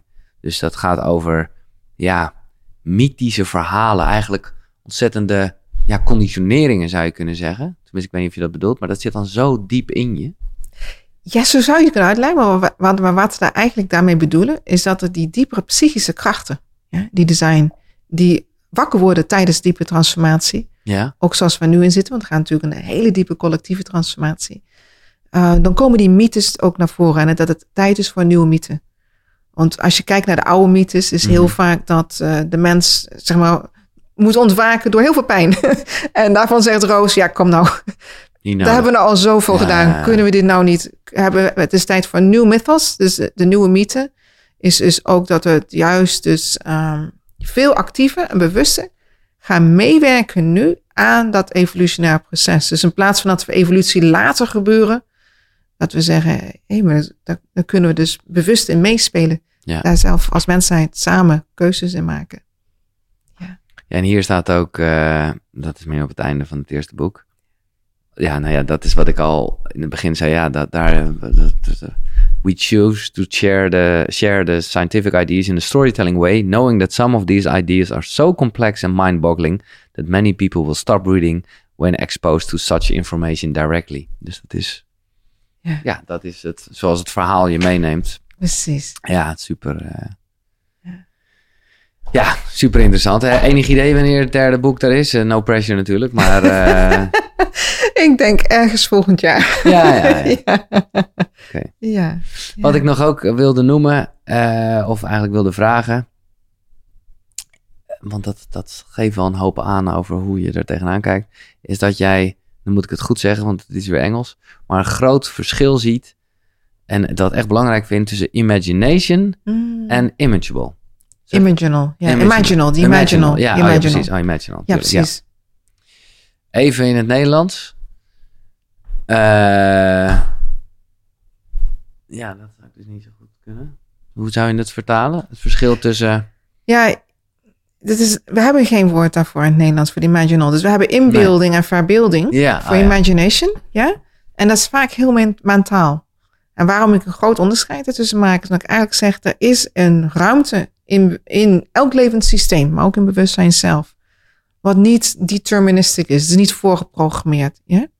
Wat maximaal transformatief is. Wat we misschien wel heel goed kennen van dromen en zo. Exact, wat je, wat je kent van dromen, wat ja. je ook kent als je, bijvoorbeeld mensen die, uh, als je in flow consciousness zit. Dus als je voelt van, uh, in inspiratie, muzici kennen dit, sportmensen kennen dit. Uh, dus als je in, in een bepaalde, ja, die flow, een, ze kunnen dat meten als coherentie zelf, ja. nu tegenwoordig. Um, nou, dan, dan zit je dus, dan maak je toegang tot die, die imaginal laag, die imaginal realm, die imaginal dimensie. Ja. Um, en dat is direct toekomst. Dus daar leeft voor mij toekomst. Dus als je dus ook zegt imaginal cells of imaginal potential, dat is eigenlijk hoe, hoe het, ja, dat toekomstpotentieel van het leven zelf hier direct binnenstroomt. De toekomst is hier. De toekomst is hier. En zo, en zo vind je hem daar, in, in jezelf. Ja, kan je maar varen. Ik heb één basisvraag nog niet gesteld. Die stel ik aan al mijn gasten. En ik ben wel benieuwd, zeker met, uh, nou ja, toch jouw zeven jaar naar binnen keren. Uh, dat is namelijk de vraag, hoe ziet jouw ochtendroutine eruit? Heb je die? Heb je een ochtendritueel? Ja, dat is een goeie. Nee, eigenlijk, ik heb geen vast van nee. met kinderen naar school gaan. Dus nee, precies. Dat maar is, wat uh... ik wel altijd doe, is elke ochtend mezelf even de ruimte geven om uit die transitie van de droom te komen. Dus mijn vaste ochtendritueel is, probeer iets langer te blijven nog in de, in de droom. En het is eigenlijk een beetje alsof je, zelf dat je onder water, ja, en dan kom je je hoofd boven. Ja, zo langzaam mogelijk. En dan veranker ik een paar van die van. Dus dan kijk even van, wat waren de, de beelden? Wat was, wat was het gevoel van de droom? Wat, was, wat, ja, wat is de boodschap van die droom? Zodat ik hem niet meteen kwijtraak. Dus gewoon even die overgang tussen slapen en dromen En wakker worden, dat doe ik elke ochtend. Duurt niet lang. Nee, Die maar- 15 minuten even, even zo liggen. Ehm, mezelf even echt die transitie zelf laten maken. En dan eh, contact maken met mijn hart. Even heldere intentie. Hoe ik vandaag wil beginnen. En ja. En dan, en dan hier, echt hier zijn. Ja. Ja. En heb jij gewoon altijd, hè, de- we hebben het erover gehad dat jij, eh, wanneer dat nodig is, eh, zal je weer even de rust nemen en naar binnen gaan. eh, het zijn een wandeling of een meditatie. Maar ben jij iemand die, zo voelt het een beetje, dus dat vind ik mooi, die altijd ja, bewust is van het feit hè, wat, eh, hè, dat je niet je gedachte bent. En dat, dat, dat die mind ook maar een soort apparaatje is wat nou ja, zijn ding doet en we handig gebruiken. Maar hè, dus, dus die, die eh, ja, eigenlijk dat weten van, van die essentie, nou ja, dat, eh, dat universele, hoe je het ook wil zeggen. ja, dat is ook constant. Ja, hè? Daar hoef ik geen moeite voor te Nee. doen. Nee, nee. En dat is dus eigenlijk wat jij als kind gewoon altijd bij je gehouden hebt. Ja, ja. Lekker, maar wat man. daar natuurlijk gewoon nog veel steviger is geworden. Want dan leer je op een gegeven moment, komen er allemaal levenservaringen en ook Ja. teleurstellingen en ook Ja. pijn. Dus dan voel je soms, oh, lijkt het kwijt te raken. En dan weer daarna terug de weg vinden. Dus op een gegeven moment het eh, niet meer kwijtraakt. Nee. Ja. Nou, je missie is duidelijk. Ehm, hoe kijk je aan tegen de dood? Oh nee, nee, sorry. De- ik, ik ga deze vraag eh, stellen, maar dan, dat, dit is namelijk wel het einde. En ik wil dan eerst nog even, want ik zeg, jouw missie is duidelijk.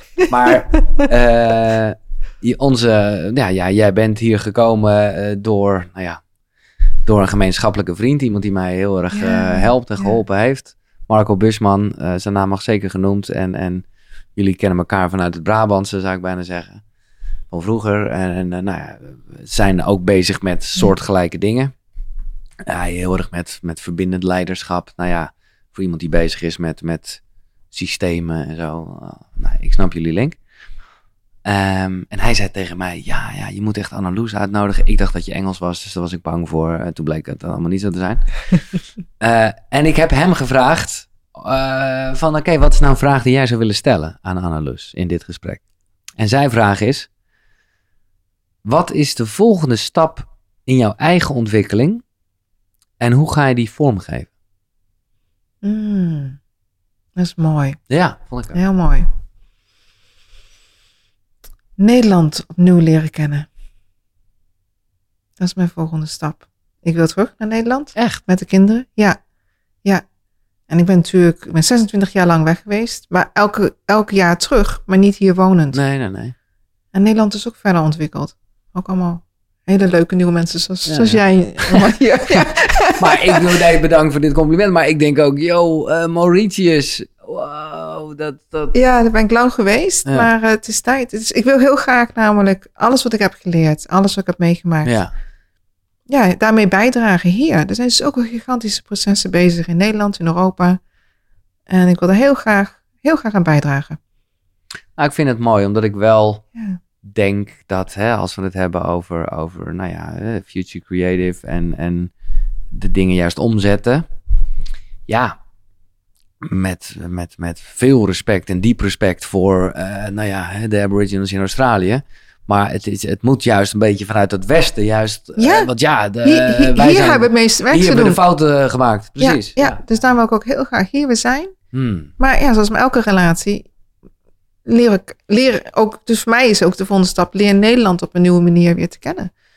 En daar ben ik heel nieuwsgierig naar. Betekent ook soms mijn oude ideeën eigenlijk zelf loslaten. Natuurlijk, het gevoel, ik ging weg, dat ik voelde dat er eigenlijk geen plek was voor deze benaderingen. Dat loslaten, dat is mijn eigen werkproces, mijn innerlijke werk daarin. En openen voor hoe Nederland nu is. En eh, kijken waar ik kan bijdragen. Nice. En een bijzonder, eh, nou, bijzondere stap. Ja. Ja. ja. Nee, ik vind het leuk, want dat eh, betekent, eh, nou ja, dat we in, nou ja, dat- ik zeg bijna heel sovinistisch, vind ik dat heel top, dat Nederland een, een bijdrage levert. Nou ja, wij, wij allemaal als mensen zijn er natuurlijk, maar goed toch. Ja. Ehm, en ja, hoe je die vorm geeft, dat heb je eigenlijk ook uitgelegd. Door, eh, Ja, ja, Dan dus de vraag, eh, hoe kijk je aan tegen de dood? Als een geboortekanaal. Maar dan de andere kant op, of eh, Ja. ja. Ja, dat, dat ervoer ik ook heel sterk toen ik geboorte gaf aan mijn eerste zoon. Als de poort, eh, zeg maar, daaronder, de baarmoeder open gaat, dan gaat hij aan twee kanten open. Ja. Dus mijn zoon komt, ergens daar ga je dood. En hier Mhm. word je geboren, maar Ja. andersom dus ook weer. Dus hier Dat ga je is, dood. het ligt heel dicht bij elkaar. Dat is ligt zo dicht, voor mij is het één tunnel. Dus het geboortekanaal, ik zie de dood als een geboortekanaal. ja, Kijk er op een rare manier ook zelfs naar uit. ja, Niet zo van ik wens dood te gaan, maar ik denk, dit is natuurlijk de ultieme transformatie. Prachtig. ja. En, Ja. Even, en, maar, en, en wat gebeurt er dan? Want dan ben je weer, ja, ik zeg het maar even nu in jouw vergelijking, terug de baarmoeder in. En dan? Ja, dat kan ik pas zeggen als ik het weet. Nee, dat snap ik. Maar gewoon, we zijn hier aan het filosoferen en ik snap, eh, ik zou je er niet aan houden en zeggen, hé hey, Anneloes, je hebt gezegd dat. Dat snap ik. Maar Ja. gewoon, je, je, je denkt daar Ja. toch vast wel eens over na. Nou ja, ja, dus waar ik dus over nadenk. Het is misschien eigenlijk een beetje meer vanuit de Tibetaanse gedachte ook. Dus het is je, de een naar de andere structuur. Waarmee je dus verankerd bent geweest hier in dit lichaam, in dit, in dit leven hier. Dat valt in de weg naar. Dus, dus eigenlijk nu al leren sterven. hè. Dus voor mij is de dood dus niet, niet alleen dan op dat moment die ultieme dood. Hè. Maar eh, laat jezelf elke dag een beetje sterven, zodat je elke dag opnieuw geboren kan worden. Dus Ja. voor mij is, is, is dood is, is integraal in alles wat ik doe. Dat is Elke- de drive om dingen ja, elke ja. avond als ik ga slapen. En dan is, dus je had het over het Ja, ochtendritueel. je hebt eigenlijk meer een avond. maar ik heb, ik heb ook een avond, ja, precies, ja. een avondritueel. Ja. Is het gewoon af laten sterven. Gewoon met dankbaarheid van, nou, wat heb ik vandaag allemaal meegemaakt? Eh, ik spreek er ook mijn dank over uit. En, dat, eh, en dank naar de aarde, naar de kosmos en het leven zelf en alle mensen om me heen en de dieren. Ja, en dan is het ook het, los, het loslaten. En mezelf, eigenlijk mijn bewustzijn terug laten keren die nacht in het grote geheel. Ehm, dat is ook een beetje sterven. Dus Mhm. elke nacht. En vanuit daar vertrouwen dat er weer een volgende stroom is. Die de ochtend wordt. Ja, waarin je weer wakker wordt. En Of niet, dus- en dan is het ook of goed. niet. En dan, ja, en dan is het er precies. Maar het bewustzijn gaat door. Ja, dus Nee. dat, precies. Het bewustzijn gaat door en dat zal Ja. doorgaan in andere vormen. Ja. En, eh. Ja, Maar goed, eh, zoals je zegt, in dit leven, nou ja, Anneloes Smitsman, die is, dat is dan op een gegeven moment klaar. ja. Eh, hoe wil je herinnerd worden?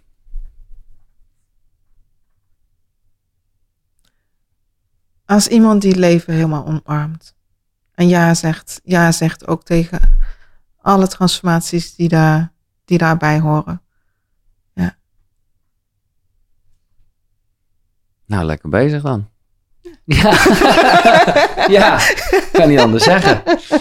Super dank voor, eh, ja, voor wat je doet, voor je inspiratie. En ik ben heel blij, ik ben heel benieuwd of dit... eh, nou ja, ik heb jou van tevoren eh, gezegd, ik was er een beetje bang voor. Dat dit een te abstract gesprek zou worden. Omdat, ja, dat systemen, dat... hè, maar ik denk dat het heel erg meevalt. Zo niet dan toch, ik vond het een heel fijn gesprek. Ik vond het heel fijn. Ja, Ja, ik Ja. zou nog iets eigenlijk willen vragen. Maar dat is misschien gek. En als, je dit, als het niet goed voelt, moet je het niet doen. Maar kijk, ik heb hier een piano en ik kan gewoon helemaal niet spelen. Jij vertelt over dat jij gewoon echt... Nou ja, jij kan dat wel. Laat ik, het, laat ik je niet eh, gelijk eh, helemaal ophemen. Zou jij, terwijl ik de afkondiging doe, een klein stukje willen spelen? Is Lief- dat, is dat heel gek? ja liever niet, maar... Oh. Nee, als je het niet wil Kan doen. het- ja, maar dan een heel klein stukje. Heel klein stukje. Ik doe een hele korte afkondiging. Eh, nogmaals, ik ben benieuwd wat je... eh, ga maar gewoon spelen hoor. Dan eh, gebruik ik het echt als een radiogast, als een dingetje. Ik ben benieuwd wat je vond van deze aflevering. Laat dat vooral achter. Ik zal natuurlijk eh, de boeken van Anneloes zelf en de boeken die ze noemde... eh, zetten op eh, de site koekeroe.nl slash boekenkast. Dus eh kukeru.nl... Nee, sorry, eh, laat ik het op Anneloes de pagina zetten. kukeru.nl slash Anneloes. Hè, ik word er wel even lekker rustig van. Doe duimpjes omhoog. Gooi hartjes de wereld in. Eh, laat een reactie achter bij YouTube. Vergeet ook niet te abonneren daar. Eh, recensies, Spotify, iTunes. Afijn. Ik begin nu heel erg te kakelen en te bazelen. Omdat ik gewoon eerlijk glij op mooie klanken die nog nooit geklonken hebben in mijn huis. Uit deze tweedehands piano gekregen van de Jos. Met heel veel kleuren. Ja, dit is heerlijk.